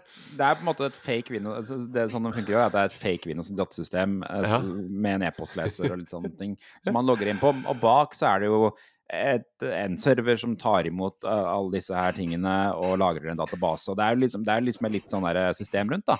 Eh, og der har jeg liksom sånn basiskunnskap og alt, men jeg vet at liksom hvis jeg skulle eh, satt meg ned eh, Jeg måtte, hadde november på å bygge det. Så fra scratch 1. november, må bli ferdig 1. Ja. desember. Har deadline, liksom. Og masse andre ting som gjøres innimellom. Så jeg visste jo på en måte at det, dette her går jo egentlig ikke hvis jeg begynner sånn som jeg gjør. For det, ok, så er jeg litt rusten på SQL. Åh, jeg må sitte og google hvordan det funker. Hvordan skal jeg formulere det Google-søket sånn at det blir liksom riktig? Det var sånn jeg opererte før. ikke sant? Og, og Ja. ok, så skal jeg lage den serveren. Åh, jeg må håndkode så jævla mye for å få beklager banninga, for, for å få det her til å funke. Ikke sant? For det, det er liksom eh, Når du skriver en server så er det gjerne måten sånn det funker på, er at liksom, du må lage én kodesnutt for å ta imot eh, en ny bruker som skal registrere seg, en kodesnutt for en bruker som skal logge inn på nytt og skal ha eh, informasjonen sin. Så liksom, når du begynner å bryte det ned, så er det så utrolig mange sånne punkter man skal lage i masse forskjellige filer. Ja. Um, uh, så jeg, jeg, i år så frykta jeg å starte på det, og det var egentlig da jeg gikk all in på ChatGPT og bare liksom tenkte OK, nå skal jeg bruke ChatGPT fra starten her. Jeg skal Mm. bare begynne fra starten for å beskrive systemet mitt, hva jeg ønsker å få til, program, altså liksom, eh, programvarene jeg ønsker å bruke, språkene jeg ønsker å bruke. Alt skal liksom med fra starten av, og så skal jeg liksom snakke meg inn i det med ChatGPT. Og da begynte jeg en torsdag i starten av november. Starten av dagen klokka ni, liksom bare eh, sånn Hei, ChatGPT. Mhm. Dette er, det, dette, er sånn, dette er det vi skal bygge. Så bare, så bare satt jeg hele dagen med ChatGPT og jobbet fram databasen, jobba fram liksom grunnstammen i serveren, alt mulig av dette her, da. Eh, og på slutten av dagen så, så, så var, jeg helt, var jeg helt sjokkert av Da hadde jeg sittet og snakket med ChatGPT hele dagen. Var jeg sjokkert av hvor langt vi hadde kommet. da. Ja. Og, og, og, jeg merker at det, til og med at jeg sier 'vi'. For jeg føler at det, det er liksom ja. at jeg, at jeg, hadde, at jeg hadde en sånn slags sånn rar kollegialt forhold til den på slutten av dagen. Og, og, og, og, og, så, og da var jeg Ok, så var jeg ferdig for dagen da, og så skulle jeg begynne igjen på fredagen. Og da hoppa jeg inn i ChatGPT, og så først jeg skrev sånn Hei sann, jeg håper du husker alt vi drev med i går. Ja, og da svarte ChatGPT Beklager, men jeg, pleier, jeg husker ikke ting. Og da var jeg sånn Shit, ja, der, dette, dette, Nå får jeg faktisk litt problemer. Og det var jo Mhm. morsomt at på, på én dag så hadde jeg bare gjort meg helt avhengig av, av å jobbe med ChatGPT. da. Uh, og ikke fordi at jeg ikke liksom Jeg visste jo hvordan jeg skulle gjøre det her, jeg bare visste at det kom til å ta meg veldig lang tid. Det flyter så sjukt eh, bra. Men, men eh, det er, jeg har skrudd av, for jeg liker ikke å Jeg jeg har vært fram og tilbake på det, men jeg vil jo ikke at det skal brukes til opptreningsdata. Jeg vil ikke at plutselig skal komme noen leaks. Eller jeg, jeg, jeg prøver å beskytte rundt min personlige data, da, så jeg har skrudd av eh, chat history. Men uh, du kan jo skru den på også, i hvert fall i ChatGPT4. Ja, Jeg jeg, å huske jeg, jeg har, hadde det på også, så jeg skjønner ikke helt hva som skjedde. Det var, det var akkurat som at den ikke bare huska den sesjonen eller noe sånt, så det var helt merkelig. Så, Men, eh, hva gjorde du da? Nei, da bare Da var det akkurat som en litt sånn, sånn uh, dement gullfisk, at jeg bare lærte den opp på nytt. Det var, det var litt sånn som den, den filmen 'Fifty First Dates', husker du den? Med Drew Barrymore og Adam Sandler. Ja, ja. Hvor eh, hun uh, har sånn at hun må bli lært opp i alt hver dag. Og til slutt, til slutt hele den filmen ender jo opp med at uh, hun har en sånn videokassett som hun spiller av hver morgen, hvor eh, hun uh, måtte få vite alt, da. Ja. Og det er liksom løsningen, så hun våkner opp hver morgen og spiller av den videokassetten. Og det ble litt sånn det ble den fredagen, at jeg bare på en måte lært, forklarte den alt hva som hadde skjedd dagen før. Og så var vi i gang igjen. Dette er jo Groundhog Day, eh, hvor, uh, hvor uh, han En ny dag truer, hvor Bill Murray-karakteren da går gjennom samme dag en milliard Ja. ganger. og må liksom Han vet alt hvordan ting funker, men må reboote det. Hvor artig Nå tok jeg et helt sidespor. Hvor artig hadde det ikke vært å lage en AI-klone av en kollega, si f.eks. Ole Petter, og, og si Hei, denne teipen her er fordi at hver dag så mister du hukommelsen. Du glemmer at den dagen har skjedd en million ganger, men her er det du må gjennom. Og så bare lage sånn fake eh, 50 First Dates-video til noen. Bare gi den til de. Ja, ja, ja. Det er min drøm nå. Uh, tilbake til Tilbake til temaet der. Hvor mye tid, hvis du kan kvantifisere det, jeg vet det er håpløst, men hvor mye tid tror du sparte deg i november på Og eh, jeg hadde brukt eh, jeg, jeg tipper at jeg hadde brukt eh, Ja, det, det jeg, jeg hadde nok kommet i mål uten også, men jeg hadde jobbet tre ganger så mye overtid. Altså typisk sånn eh, sitte i til klokka fire på natta noen helger for å få det til, da, og i tillegg nedskalert målene. Ja. Så, så, så, så er det liksom noe med det. Eh, det, det bare at, at det gikk i mål på liksom jeg, jeg klarte det på tre måneder, så jeg var, jeg var faktisk i mål før tida også. Eh, så det eh, Ja, nei, det, det, det, det, er egentlig det som er greia. Altså. Det bare, den, den farten var bare så ekstrem. ja. Eh, så Og så utrolig tilfredsstillende bare liksom få det, liksom. Av det du vet, at du har brukt en evighet på å google før, liksom. For den, den Google-greia ligger så i fingrene, og det at du liksom du er innstilt på at du må bare lete gjennom masse tull for å finne det du skal.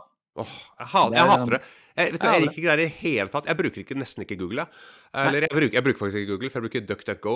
Uh, men, og den er jo dessverre litt dårligere, men uh, gir deg, uh, gir deg beskyttelse av dataen din. Men, men jeg kom aldri til å gå tilbake altså Hvis ChatGPT hadde slutta å funke nå, så hadde det vært virkelig nedtur for min del. Altså, for jeg, jeg, holdt på å si, jeg vil ikke si jeg er avhengig av verktøyet, men det er jeg. Altså, jeg klarer det uten, men jeg trives mindre uten. For at når du koder, så er du avhengig av å være i en flytmodus. At du bare ting flyter. og Det er derfor jeg ikke klarer å kode uh, hjemme i Det kaller kanskje du, som har større mengdetrening, men jeg klarer ikke å kode hvis unger, uh, samboer, uh, svigerfar kan komme inn og forstyrre meg. Det går ikke. Nei, nei, nei, nei. Det, det, det, må være alene. Jeg må sitte alene. Jeg må liksom jeg, jeg, må føle Og det er derfor jeg alltid elsket å kode på kvelden før. For jeg må ja. føle at det er på en måte en sånn derre uh, uendelig tid i horisonten. Ja. Skjønner du hva jeg mener? Altså, det kan ikke være tidsbegrensa til en time. Da, jeg vet at det, det er, Noen ganger så bruker jeg en, en time på bare å komme i gang. Det er ja. noe med det jeg, husker jeg leste sånn intervju med han John Cleese. Hvor han snakket Hæ? om at uh, prosess, uh, prosessen hans rundt å skrive en sketsj til Monty Python var veldig mye mer kronglete enn man trodde. For han var sånn Først så må jeg vaske hele huset. Og ja. så må jeg liksom For det er, det er akkurat som eh, Og det, det, det har visst en sånn det, er visst en prosess som har å gjøre med at man liksom skal gi hjernen noen seire. Før man begynner, på enkle ting, før man begynner på mer komplekse ting. Og da er hjernen mer villig til å liksom løse de komplekse oppgavene. Ja, ja. Til, da, for at man har allerede fått bygd opp noen slags sånn derre øh, følelse i kroppen om at dette får jeg til. Um, så, så, Og jeg vet at liksom jeg, jeg, jeg trenger en sånn prosess uh, som jeg ikke vet hvor lenge varer, hvor jeg må bare surre litt på YouTube og, og holde på med ting før jeg kommer i gang. Det er, en viktig um, del, det er en viktig del av greia. Altså YouTube, uh, til og med gå opp og ta en dusj. altså Veldig mange sånne ting. Og, ja. og, det virker som prokrastinering, men for meg så er det ikke det i det hele tatt. Fordi at det er altså sier, varme opp hjernen. Jeg tenker jeg kan gå opp og ta en dusj, og så løper jeg ned, for da har jeg kommet på ideen. Ja, jeg, jeg, så jeg jobber ubevisst. Og jeg skriver jo Jeg bruker jo veldig lite Jeg bruker så lite tid jeg kan foran tastaturet. For at det er bare utførende. Det er det å planlegge og konseptualisere som er liksom jobben for min del. Og jeg vet hvordan jeg starter den prosessen, for jeg har vært igjennom så mange ganger. Men, men det å kode eller eh, jobbe Jeg jobba i reklamebyrå for mange år siden, og jobbe i åpent landskap Det var sånn Jeg måtte snike meg ut og late som jeg hadde møter for å kunne gjøre jobben min. Jeg måtte ja. lyve for kollegaene. For jeg, jeg, jeg, trenger kanskje å plutselig høre på samme sang fire ganger. Jeg må kanskje høre på tittelsporet til Annie fire ganger før jeg kan begynne å skrive. Og jeg vet det høres jævla autistisk ut, men det er bare sånn Jeg vet det funker, og da ja, det, Du må gi meg den tiden. Det er jo helt samme. Jeg, jeg, på jobben så Jeg klarer ikke å jobbe uten uh, hodetelefonen på. De må på. Jeg tror det har å gjøre med at jeg må føle at jeg liksom er i en slags boble. Skjønner du hva jeg mener? Altså, det, er, det, er, noe med det. Noen ganger så kan jeg ha på det uten egentlig å ha noe i det engang. Bare fordi jeg liker liksom Det er liksom en slags følelse av å ha på de hodetelefonene. Eh, og, og som jeg er også veldig sånn at jeg kan høre på samme sang ti ganger mens jeg Hva går det på for, for din del for det? Nei, nå, for jeg, nå, jeg har barn, og nå er, det, nå er jeg i en sånn slitsom periode. Så nå, nå jeg, Og jeg er veldig sånn eh, Jeg trekker meg veldig mot ting som gjør meg glad. Ja. Folk er forskjellige på det. Har jeg lært uh, Ole Petter, han kollegaen min, han er veldig glad i ting som er litt mer deprimerende. Det liksom liker han å dyrke. Han liker, liker, å dyrke den følelsen. Men jeg, jeg liker å dyrke liksom sånn ultraglad følelse. Så akkurat nå driver jeg og hører på sånn derre det, det, jeg har snakket om podkasten, og sånn, nå hører jeg på sånn 90-talls happy hardcore-musikk. Som er Jeg vet jo at det er dårlig. Jeg vet det. Jeg, nå, nå, er jeg, nå er jeg på lang vei ned i Blümchen. Husker du Blümchen? Nei. Nei, det er en sånn tysk happy hardcore-artist fra 90-tallet som bare drev med sånne Synger på tysk og drev med sånne rare coverlåter. Covra øh, til og med Queen på et eller annet tidspunkt. Um, var selvfølgelig kjempepen, da, så det, var jo de der albumcoverne som solgte jo som bare det. Ja, ja, ja. Og det hvilke Boomerang? Boomerang, ja. ja ikke sant? Ja, ja, ja. ja, ja, ja, ja. Så klart. Ja, men det Å! å Sesame Street-coveren også? Ja, for den, den hadde jeg på det, er, det er den tyske versjonen av Sesame Street, tror jeg. Den har ja. covra på noen greier. Ja, den hadde jeg på singel. Uh, på singel CD. Uh, nei, jeg, jeg, jeg har um, jeg, Faktisk, nå kom jeg på at jeg spurte deg om det her en dag, og da, det, da sa du at det var, gikk i lydsporet til Silicon Valley-TV-serien. Og det er ja, den fantastisk. Hører, den hører jeg også mye på. Ja.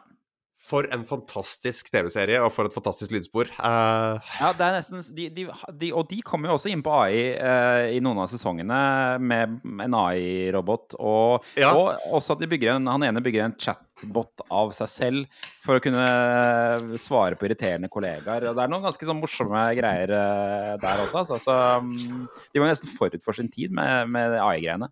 Ja, virkelig. Det viser, det viser jo også at liksom Eh, AI er ikke så nytt som du tror. Liksom. Du, hvis du går i NRK-arkivet, så finner du eh, TV-sendinger på NRK fra, fra 80-tallet hvor de sitter på gamle DOS-terminaler gamle terminaler og holder på med noe kunstig intelligens. Eh, det, og det, folk, de bygde kunstig intelligens av forskjellig grad på 60-tallet, 50-tallet. Liksom. Ja, ja. Det, det, er noe, det, er noe, det er ikke noe som har kommet i år.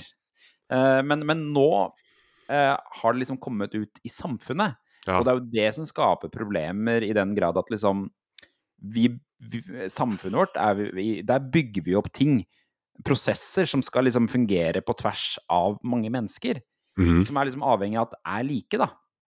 Uh, og når noe kommer og på en måte forstyrrer det, så er det klart at da blir det kaos.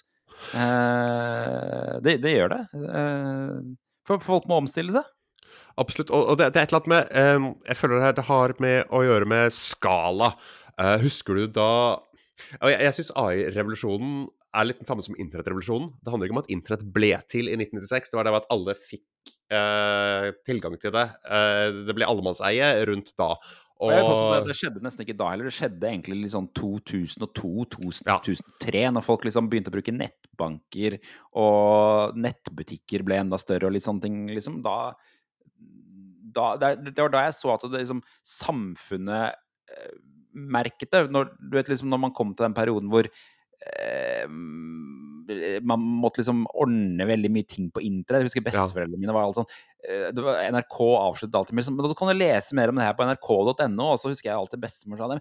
Jeg har jo ikke nrk.no, sa hun på en måte til TV-en. du skjønner? Altså, det, var liksom, eh, da, da, da, det var liksom i den omstillingsfasen. da.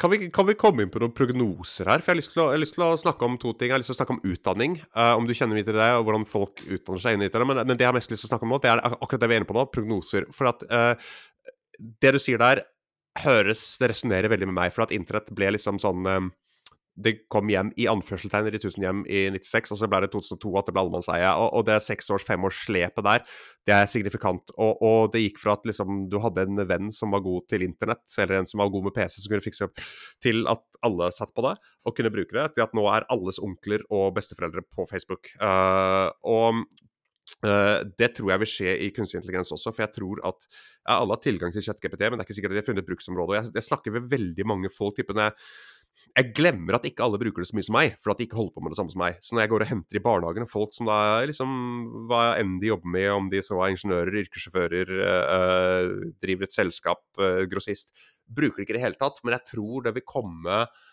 Jeg tror egentlig det vil komme neste år eller året etter at telefonen din har en intelligent versjon av Siri, rett og slett, da.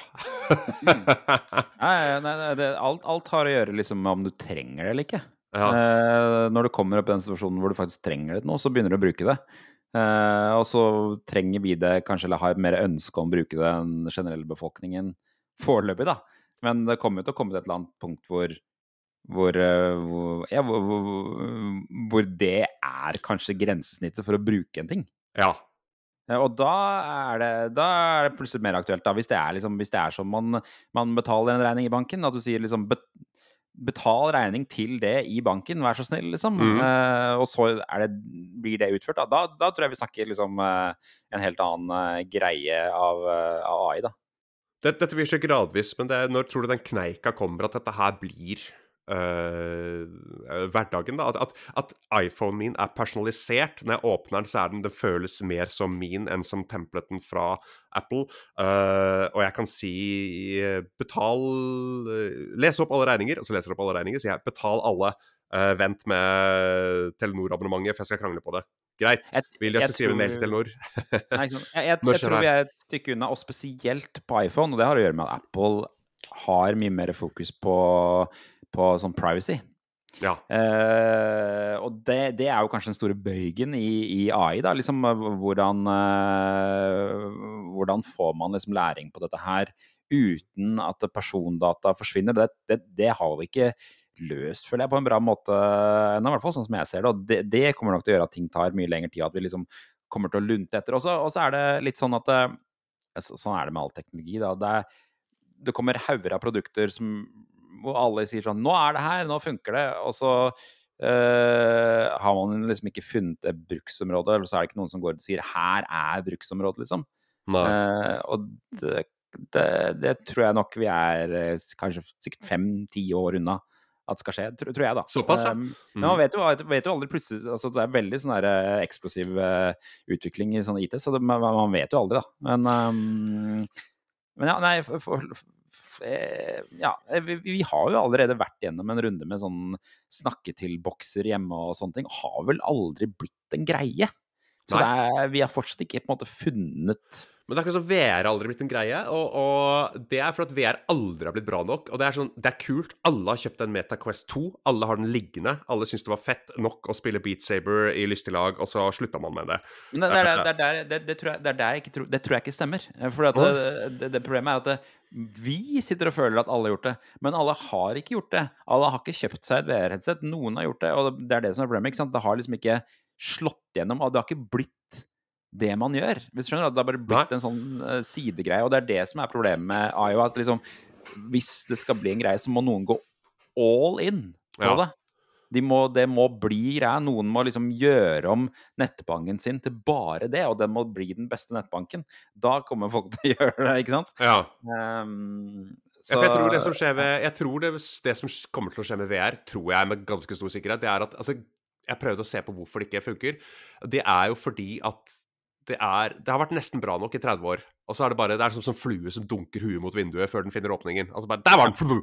Kommer til å fly av gårde med det. Og, og, og jeg husker jeg testa VR på TG95, og da var det sjokkerende likt det produktet vi har i dag. Altså det, selvfølgelig, det var en billigere versjon av det, men det var sånn der, jeg skulle ikke tro at det har gått uh, Jeg vet ikke hvor lenge det er siden 1995, jeg begynner å bli 30 år siden snart. Uh, uansett, uh, det, head, headsetet er for tungt, det er for klumpete. Når jeg skal ja. starte opp, så er det sånn derre ah, Og jeg vet at MetaQuest 3 gjør det her mye bedre, men det er fremdeles ikke helt bra. Men um, jeg bare testa toeren, og da er det sånn å, det var, den var ikke lada opp. Da må jeg sette den til å lade opp. Å, den er tunga på hodet. Og hvis en av ungene kommer inn og skal prøve det, så er det sånn du må strappe det på hodet, og det faller av. For det er for, altså, det er for klønete, det er for treigt, det er for dårlig. Uh, mm. Men ja. det er ganske kult når det først kommer i gang, men det tar fem minutter å komme seg i gang. jeg er helt, helt enig. Og, det, så, og, så, er det liksom den at liksom Må du ha det? Eh, må du ha det? Jeg, jeg må Altså, jeg kan ikke dra på jobb uten telefonen min. Nei. Jeg, det kan jeg ikke. Jeg, da, da, er jeg i trøbbel, liksom. Men eh, altså, VR-headset altså, det kan lade seg ut og bli liggende i skuffen i, i fem uker uten at det spiller ja, ja. noe rolle for meg. Det er for øvrig det store problemet med Apple Watch og sånne produkter. Også, sånn som jeg ser det, at det liksom, de, har, de har klart å finne en sånn må-ha-ting. Eh, Samme med iPad. Det har liksom ikke noe må-ha-ting. Eh, og da glemmer man det. Da har, la blir det liggende, så eh, ja. For ChatGPT det er må ha-ting for meg nå. Og jeg åpner den når jeg åpner. Jeg åpner Gmail. Uh, det mm. smerter jeg å si at jeg åpner Facebook tidlig på morgenen. Det er det programmet jeg åpner ja, mest og liker minst. Men jeg åpner også um, Altså, jeg har et par til go to-sider, men ChatGPT er en av de som er på standardfanen min. Og da er det sånn der, da, da får jeg vite jeg kommer til å bruke den ganske kjapt. Om det så er bare Hei, kan du rettskrive de tre setningene her til tegneserien, for jeg smeller inn igjen? Å! Oh, da var det en feil jeg ikke så engang. Altså som um, og, og, det er ikke det at, at, Word ikke kan gjøre det, men det er bare blitt det go to arbeidsverktøyet som jeg prioriterer å bare paste ting i. da. Uh, uh, så for meg så er ChatGPT go to, men jeg vet at det handler om min jobb. Og for meg så er iPaden også go to, for jeg tegner tegneseriene mine. Så jeg er sånn, jeg, mm. men, men telefonen er to, nå så til de helvetes grader go to. Og, og, min prognose for Nå skal jeg spørre deg om skal jeg runde ut i din prognose, men, men min prognose for VR er at det blir for det første at AR kommer til å ta augmented reality, hvor du har da uh, see-through, se gjennom. Det må bli så lett som briller. Jeg må kunne ta det på meg, og det er på. Og det er mm. sånn, det må være lettvekt og på med en gang. Og da tror jeg vi vil være der. For jeg, jeg elsker Og nå kommer jo helvetes lansering fra Apple antakeligvis uh, om et par dager. Uh, skulle ikke være det? Um, jo, jo, jo, men den koster jo 60 000, da, så det er jo ikke Koster 60 000, ja. Ja, det er jo siste. Pris, det må bli Det er vel 36 000 den koster, faktisk. Uh, og det er altfor mye. Men det, var, det var noe helt sinnssyke summer. For, ja. Men jeg elsker det som Apple ble latterliggjort for. Jeg tror det kommer til å være mitt primærbruksområde. Bare kunne ha Office everywhere, ta på meg brillene, og så er tastaturet foran meg det virtuelt. Jeg kommer til å bruke det. Det er det jeg ønsker meg også. Det, det, det syns folk er kjempeteit på kontoret. Men det, drømmen min er å komme på jobben, og så har jeg ikke noe skjerm. Ah, min òg. Altså, eh, så tar jeg på det, og så trykker jeg på, og da ser jeg gjennom til andre. Ja. Helt ok. Det er, så, ja, men, det, men, det, må være Jeg kan ikke, jeg kan ikke ha det sånn at jeg sitter med den og blir sånn svett eh, liksom rundt øra eller rundt øynene og alt mulig. Det, det, må være liksom eh, noen slags komfort det. De, disse selskapene er veldig flinke til å late som det er, det er det. Men så går det på forumer og, eller spør ChatGPT, og så sier han nei, dette er, det er ikke så bra, egentlig. Det er, det er eh, Så vi er, vi er, ikke der ennå, altså. Um, og jeg, ja, jeg, jeg syns det er så spennende med sånn, sånn telefon. Da. Den telefonen er så, den er så åpenbar at du trenger den. For at vi godtok at iPhone plutselig ikke hadde ladekapasitet mer enn ett døgn. Fra, ja. Ned fra Nokia-telefonene som varte hele uka, liksom. Fordi at det var så viktig å ha det. Så ja. Noen må kunne klare å komme seg til det produktet som er så viktig, og som er så bra, at man bare ikke klarer seg uten det. på en måte. Det må bli liksom Det må bli en del av hverdagen din, da. Ja. Um, så hva, hva, tror, hva, tror du, hva, tror, du, det kommer til å bli, da? Det, for det er jeg nemlig ikke sikker på, altså. Nei, det, det, det, handler jo om å løse et jeg tror f.eks. regnskap kommer til å bli revolusjonert ganske raskt av AI. Det tror jeg, og det håper jeg. Altså, mm. Og da vil det jo sparke ut en hel uh, yrkesgruppe, og det syns jeg er helt greit. jeg har ikke noe, jeg jeg, det, det er tydeligvis jeg gjorde regnskapet denne uka. Men, uh, nei, men det er ingen grunn til at én person skal sitte og gå gjennom printouts av uh, kvitteringer som du har skanna inn, for så å sjekke at det stemmer, at det du sier stemmer, som staten skal sjekke at stemmer. Det er ett ledd for mye der. Og det, det er bare Ta et bilde av det Uh, fiken gjør det ganske bra, og så trenger du noe som bare gjør det helt automatisert. Så du bare korresponderer chat-GPT mellom deg og staten som bare gjør at det ikke blir noe tull for begge, og sparer meg faens halvannet døgn i, i måneden, altså. Det, dette må være der, kanskje ikke på regnskap, men på, å fjerne behov. Um, Nei, det er der jeg syns uh, eh, AI er liksom et vanskelig best, for det er litt uforutsigbart. Ja. Altså, du, du, det, er ikke, det er ikke gitt at du får samme resultatet hver gang. Og du er ikke gitt at du får samme resultatet om en måned som du fikk i dag, avhengig av om den har lært seg nytt, nye ting. ikke sant? Så, ja, det, men sånn er det kanskje med mennesker òg, da. Men, uh, jeg tror det vil være helse som er det første, uh, fordi at jeg føler at teknologi har ligget der rett under rett under vannoverflaten når det kommer til helse. Enig. Og jeg så den siste Apple-launchen, så var det det var miljø og det var helse som var hovedgreiene. Og jeg føler ikke de har løst det. de åpner med sånn herre Mitt liv blir redda da, jeg, da telefonen min skjønte at jeg uh, hadde krasja bilen min og ringte til sykebil. Mitt liv ble redda da ikke sant? Det var veldig mye sånne ting. Det er kanskje, det er kanskje der vi bommer litt sånn når vi snakker om det. At det, det egentlig ikke er liksom folks personlige liv øh, som skal fikses, men liksom alt rundt deg skal liksom bli bedre med AI, sånn at du får et bedre liv av det. liksom. Altså Kanskje ikke ditt liv nødvendigvis er liksom så AI-prega, skjønner du hva jeg mener? Mm. Når du, men når du går til legen, så har legen eh, megagode AI-verktøy ja. for å finne ut av ting. Um, når du går på butikken, så er det megagode AI-verktøy for å finne ut av hva du skal kjøpe, hva du vil ha, og, eh, og handle og alt det der her, da. Uh, kanskje, det, kanskje det som er greia? Jeg vet ikke. Vet ikke. jeg vet ikke. Og jeg er ambivalent til å gi mine helsedata til skyer. Jeg liker at Apple er Jeg har ikke en Apple Watch, men jeg liker at fall skulle jeg hatt det, så vet jeg at Apple er i hvert fall best i klassen på å beskytte dataene mine. Og, ja. og det er som du sier. Men, men i det for eksempel, da, hvis jeg skulle hatt en Apple Watch, så vil jeg at den skal si Da vil jeg at den skal kunne vite når jeg har Samtidig som jeg ikke vil det, da, men skulle jeg brukt den, så ville jeg gått all in på at den sier når du har lavt blodsukker. Og hver mm. eneste gang du har spist Kiwi, så har du vært litt dårlig humør dagen etterpå. Kanskje slutte med det. At den kan gi meg den type tips. Og basert på mengdedata Oi, nå har du Uh, nå, nå, slurver du såpass mye med rettskrivingen din som kan være et tegn på at om to uker så har du hjerneslag. Og, og mm. Fordi at det er tendensen vi har sett på blant sju milliarder brukere. Altså, det er jo en Samtidig, da vil du virkelig gjøre deg avhengig av den, da, og du vil ikke ta noen eller, hvem vet? Men, men um, hva er dine prognoser for media- og utviklerbransjen i 2024, da, hvis vi kan holde det på kort sikt? Um, Ja, jeg, jeg, tror jo som den korte prognosen for utviklerbransjen er jo egentlig at uh, det blir et veldig godt verktøy Mm. som videreutvikles uh, mye. Og den lange er jo at det potensielt kan skape flere arbeidsplasser, da. På av Mhm. at folk vil ut, utforske den teknologien her.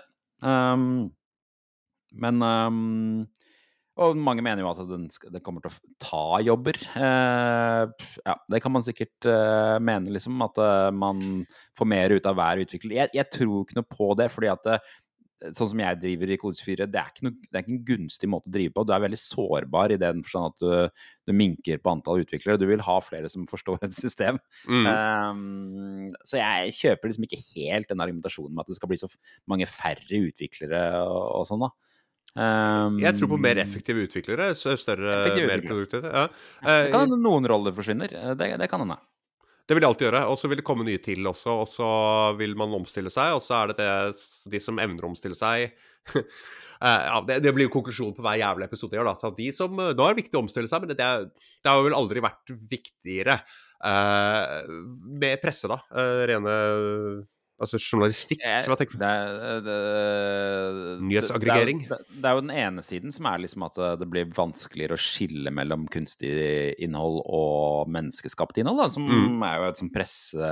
Sånn etisk problem, mer eh, kanskje, som sikkert Ole Petter kan snakke mye mer om enn meg, liksom. Og også eh, så er det jo det, det, det med aggregering, som du sier. Det, det, jeg syns er vanskelig, er at liksom, jeg, jeg føler litt an at måten vi lever på, er litt i konflikt med det. Fordi at Mm. uh, mange tenker liksom at det, hadde vært digg om man fikk en aggregert side som bare ga deg siste nytt, bla, bla. Mm. Men, så- men det syns jeg er i konflikt med sånn sånn jeg føler verden utvikler seg ellers på TikTok og sånne ting, er at vi er egentlig ekstremt opptatt av å knytte oss til andre mennesker. Mm. Og høre meningen til andre mennesker, og høre liksom hva andre mennesker Hvordan andre mennesker mm, forholder seg til verden, og hva de mener om verden. Så jeg, jeg tror jo at uh,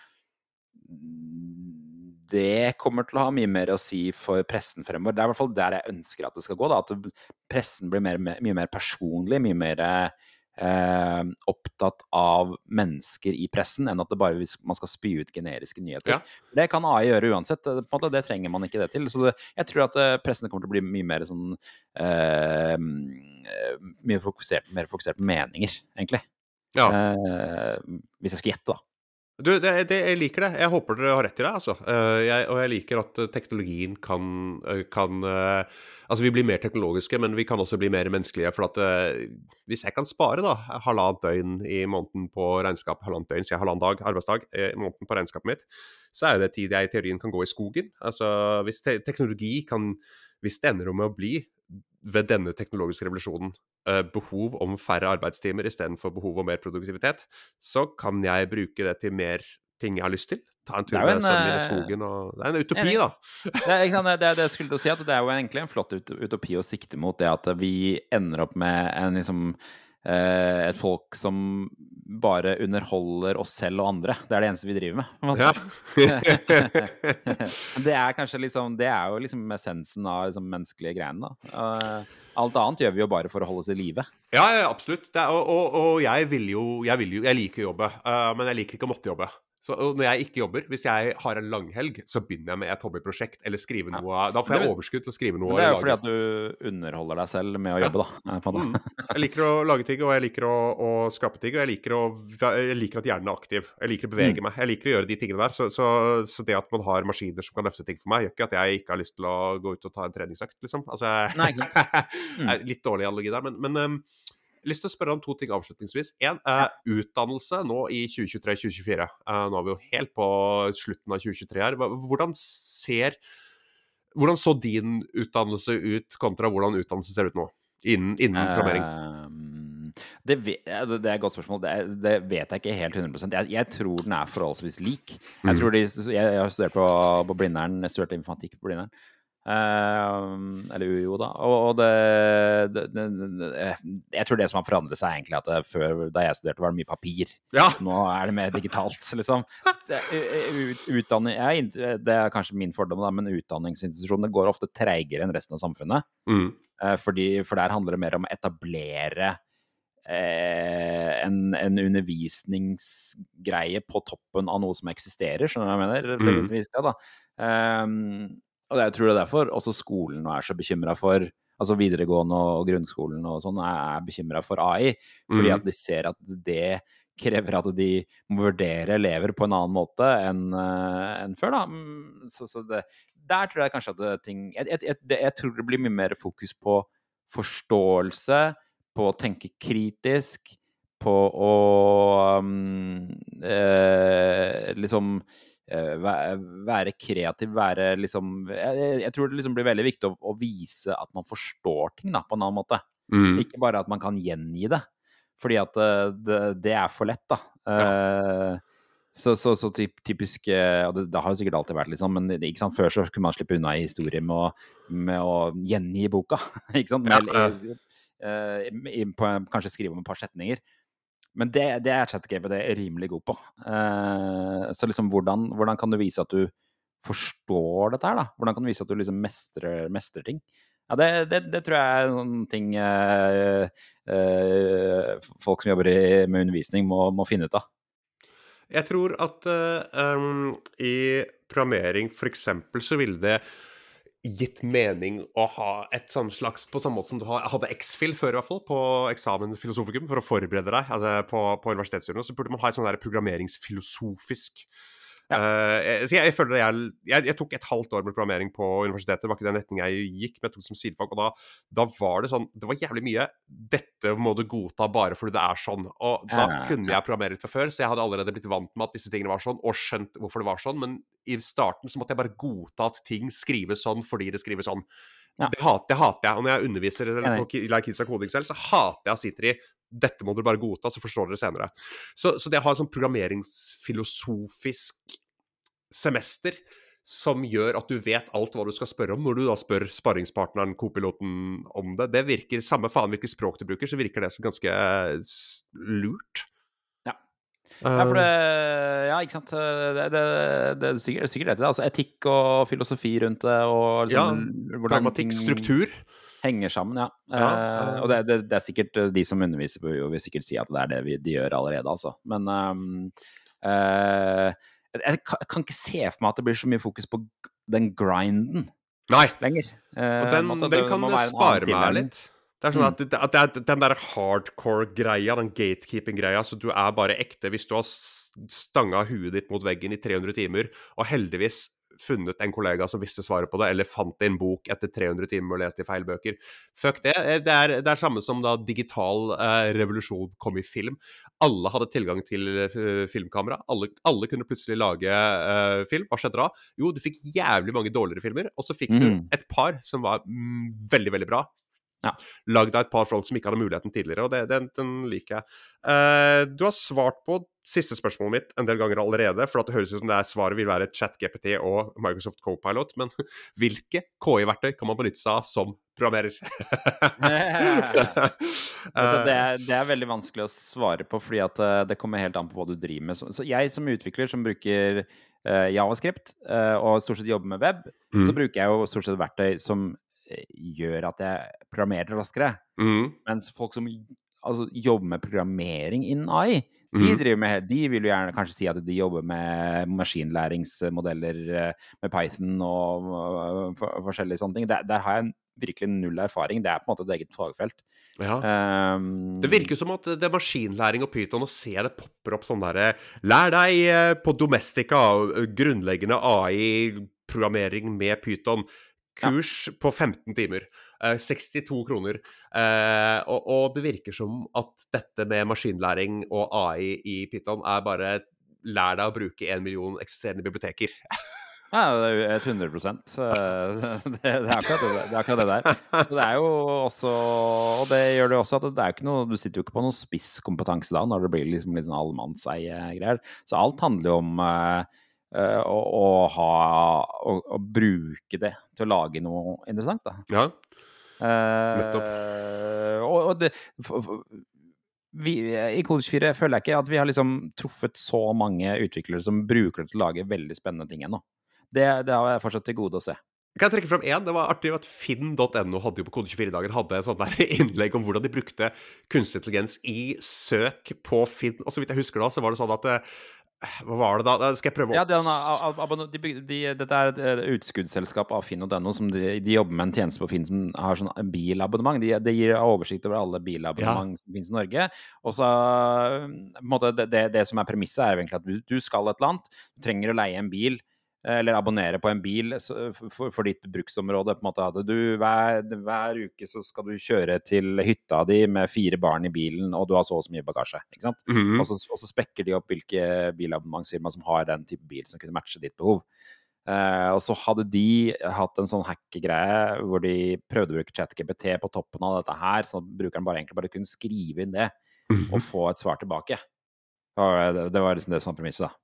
Det var noen nydelige use cases. Det var to de viste. De hadde, altså, for de, de fant ut at de ikke kunne de kan, de kan ikke sensurere hva kunden eller brukeren putter inn, men de kan sensurere hva som øh, mates tilbake gjennom API-en. da. Og det var, det, det var, jeg husker ikke om noen som hadde, om noen på det hackatonet hadde stilt spørsmål selv, om noen brukerne spurte, men sånn herre Hei, hva slags varebil ville Hitler ha valgt? Og, Ja, det var og, men ga svaret. dette er en hvit og fin og ren bil, noe han ville sagt. Ja, ja, en hvit Volkswagen var vel det den svarte tilbake. Hva, hva slags bil ville Hitler eh, valgt? Og, og så spurte de hva, hva er en uh, i- i- Jeg trenger en stygg bil. Og Ja. han foreslo en sånn liten blå Toyota. Og så vel, siste spørsmål var vel hva, hvilken bil ville passet perfekt til et ran? Eller bankran, eller noe sånt. Da. Og da hadde den en sånn varebil som den foreslo. eh, Denne vil være perfekt i ran. Den er eh, Ja. rask og nøytral og plass til mye penger. Altså, det var helt sånn der, eh, Og så hyggelig. Eh, Og det, det som var artig på toppen der, var at av alle personer i hele verden, så var David Toska på den konkurransen der. Ja, han hadde kjøpt billetter til messa. Ja, og gått da bort og slått en vits til de fine Det er artig, den bankranervitsen dere tok. Det er meg som er David Toska! Det er ikke helt, han var for øvrig- gjort portretta på Kode24. Tatt veien ja. fra, Ja. um, Så la oss um, La oss uh, runde av der med å si at uh, Ja, eller du kan få lov til å pugge det selv. Hvor kan man finne deg, og hva er du aktuell med for tiden? Eh, akkurat nå så er det de beste stedene å finne meg er eh, egentlig jeg, eh, hvis, du, hvis du hører meg skravle mer, så er det Kode 24-timen, uh, Ja. som er det aktuelle. Ellers så er jeg jo eh, Jeg er pleier jo å være konferansier på Kode 24-dagene. Hvis jeg er Mhm. utvikler, så er det verdt å stikke innom der. Vi, vi skal ha ny konferanse nå i mars. Ja.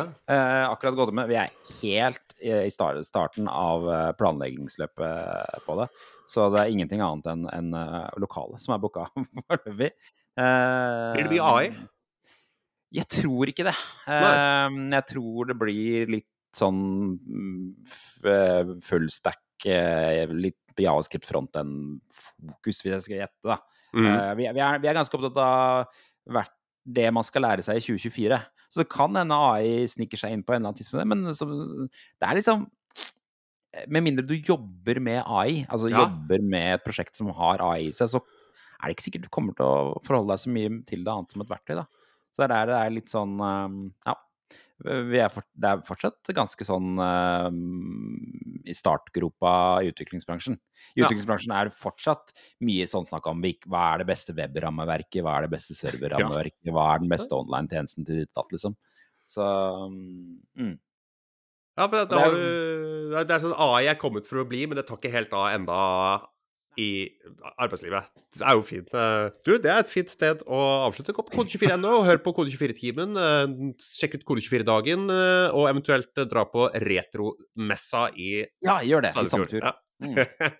Kult. Du, tusen takk for at du kunne komme. Jo, takk for praten. Det var gøy, det. Uh, Podkasten David og AI den produseres av meg, David Skaufjord, her på strutsefjøset mitt eh, og i selskapet mitt Hollingwood AS. Den er utgitt med støtte fra Fritt Ord, og det er vi utrolig takknemlige for. Eh, vi håper du hører mer på oss i Kode24 Nei, faen, altså, den skal jeg slette. Vi... Nei, vet du, jeg lar den bli, for da har jeg ikke klippa noen ting. Vi håper du hører mer på oss i 2024, ikke Kode24. Og legg gjerne gjerne en hyggelig anmeldelse der du hører podkaster, for det er sånn. Takk for nå. Vi høres neste gang.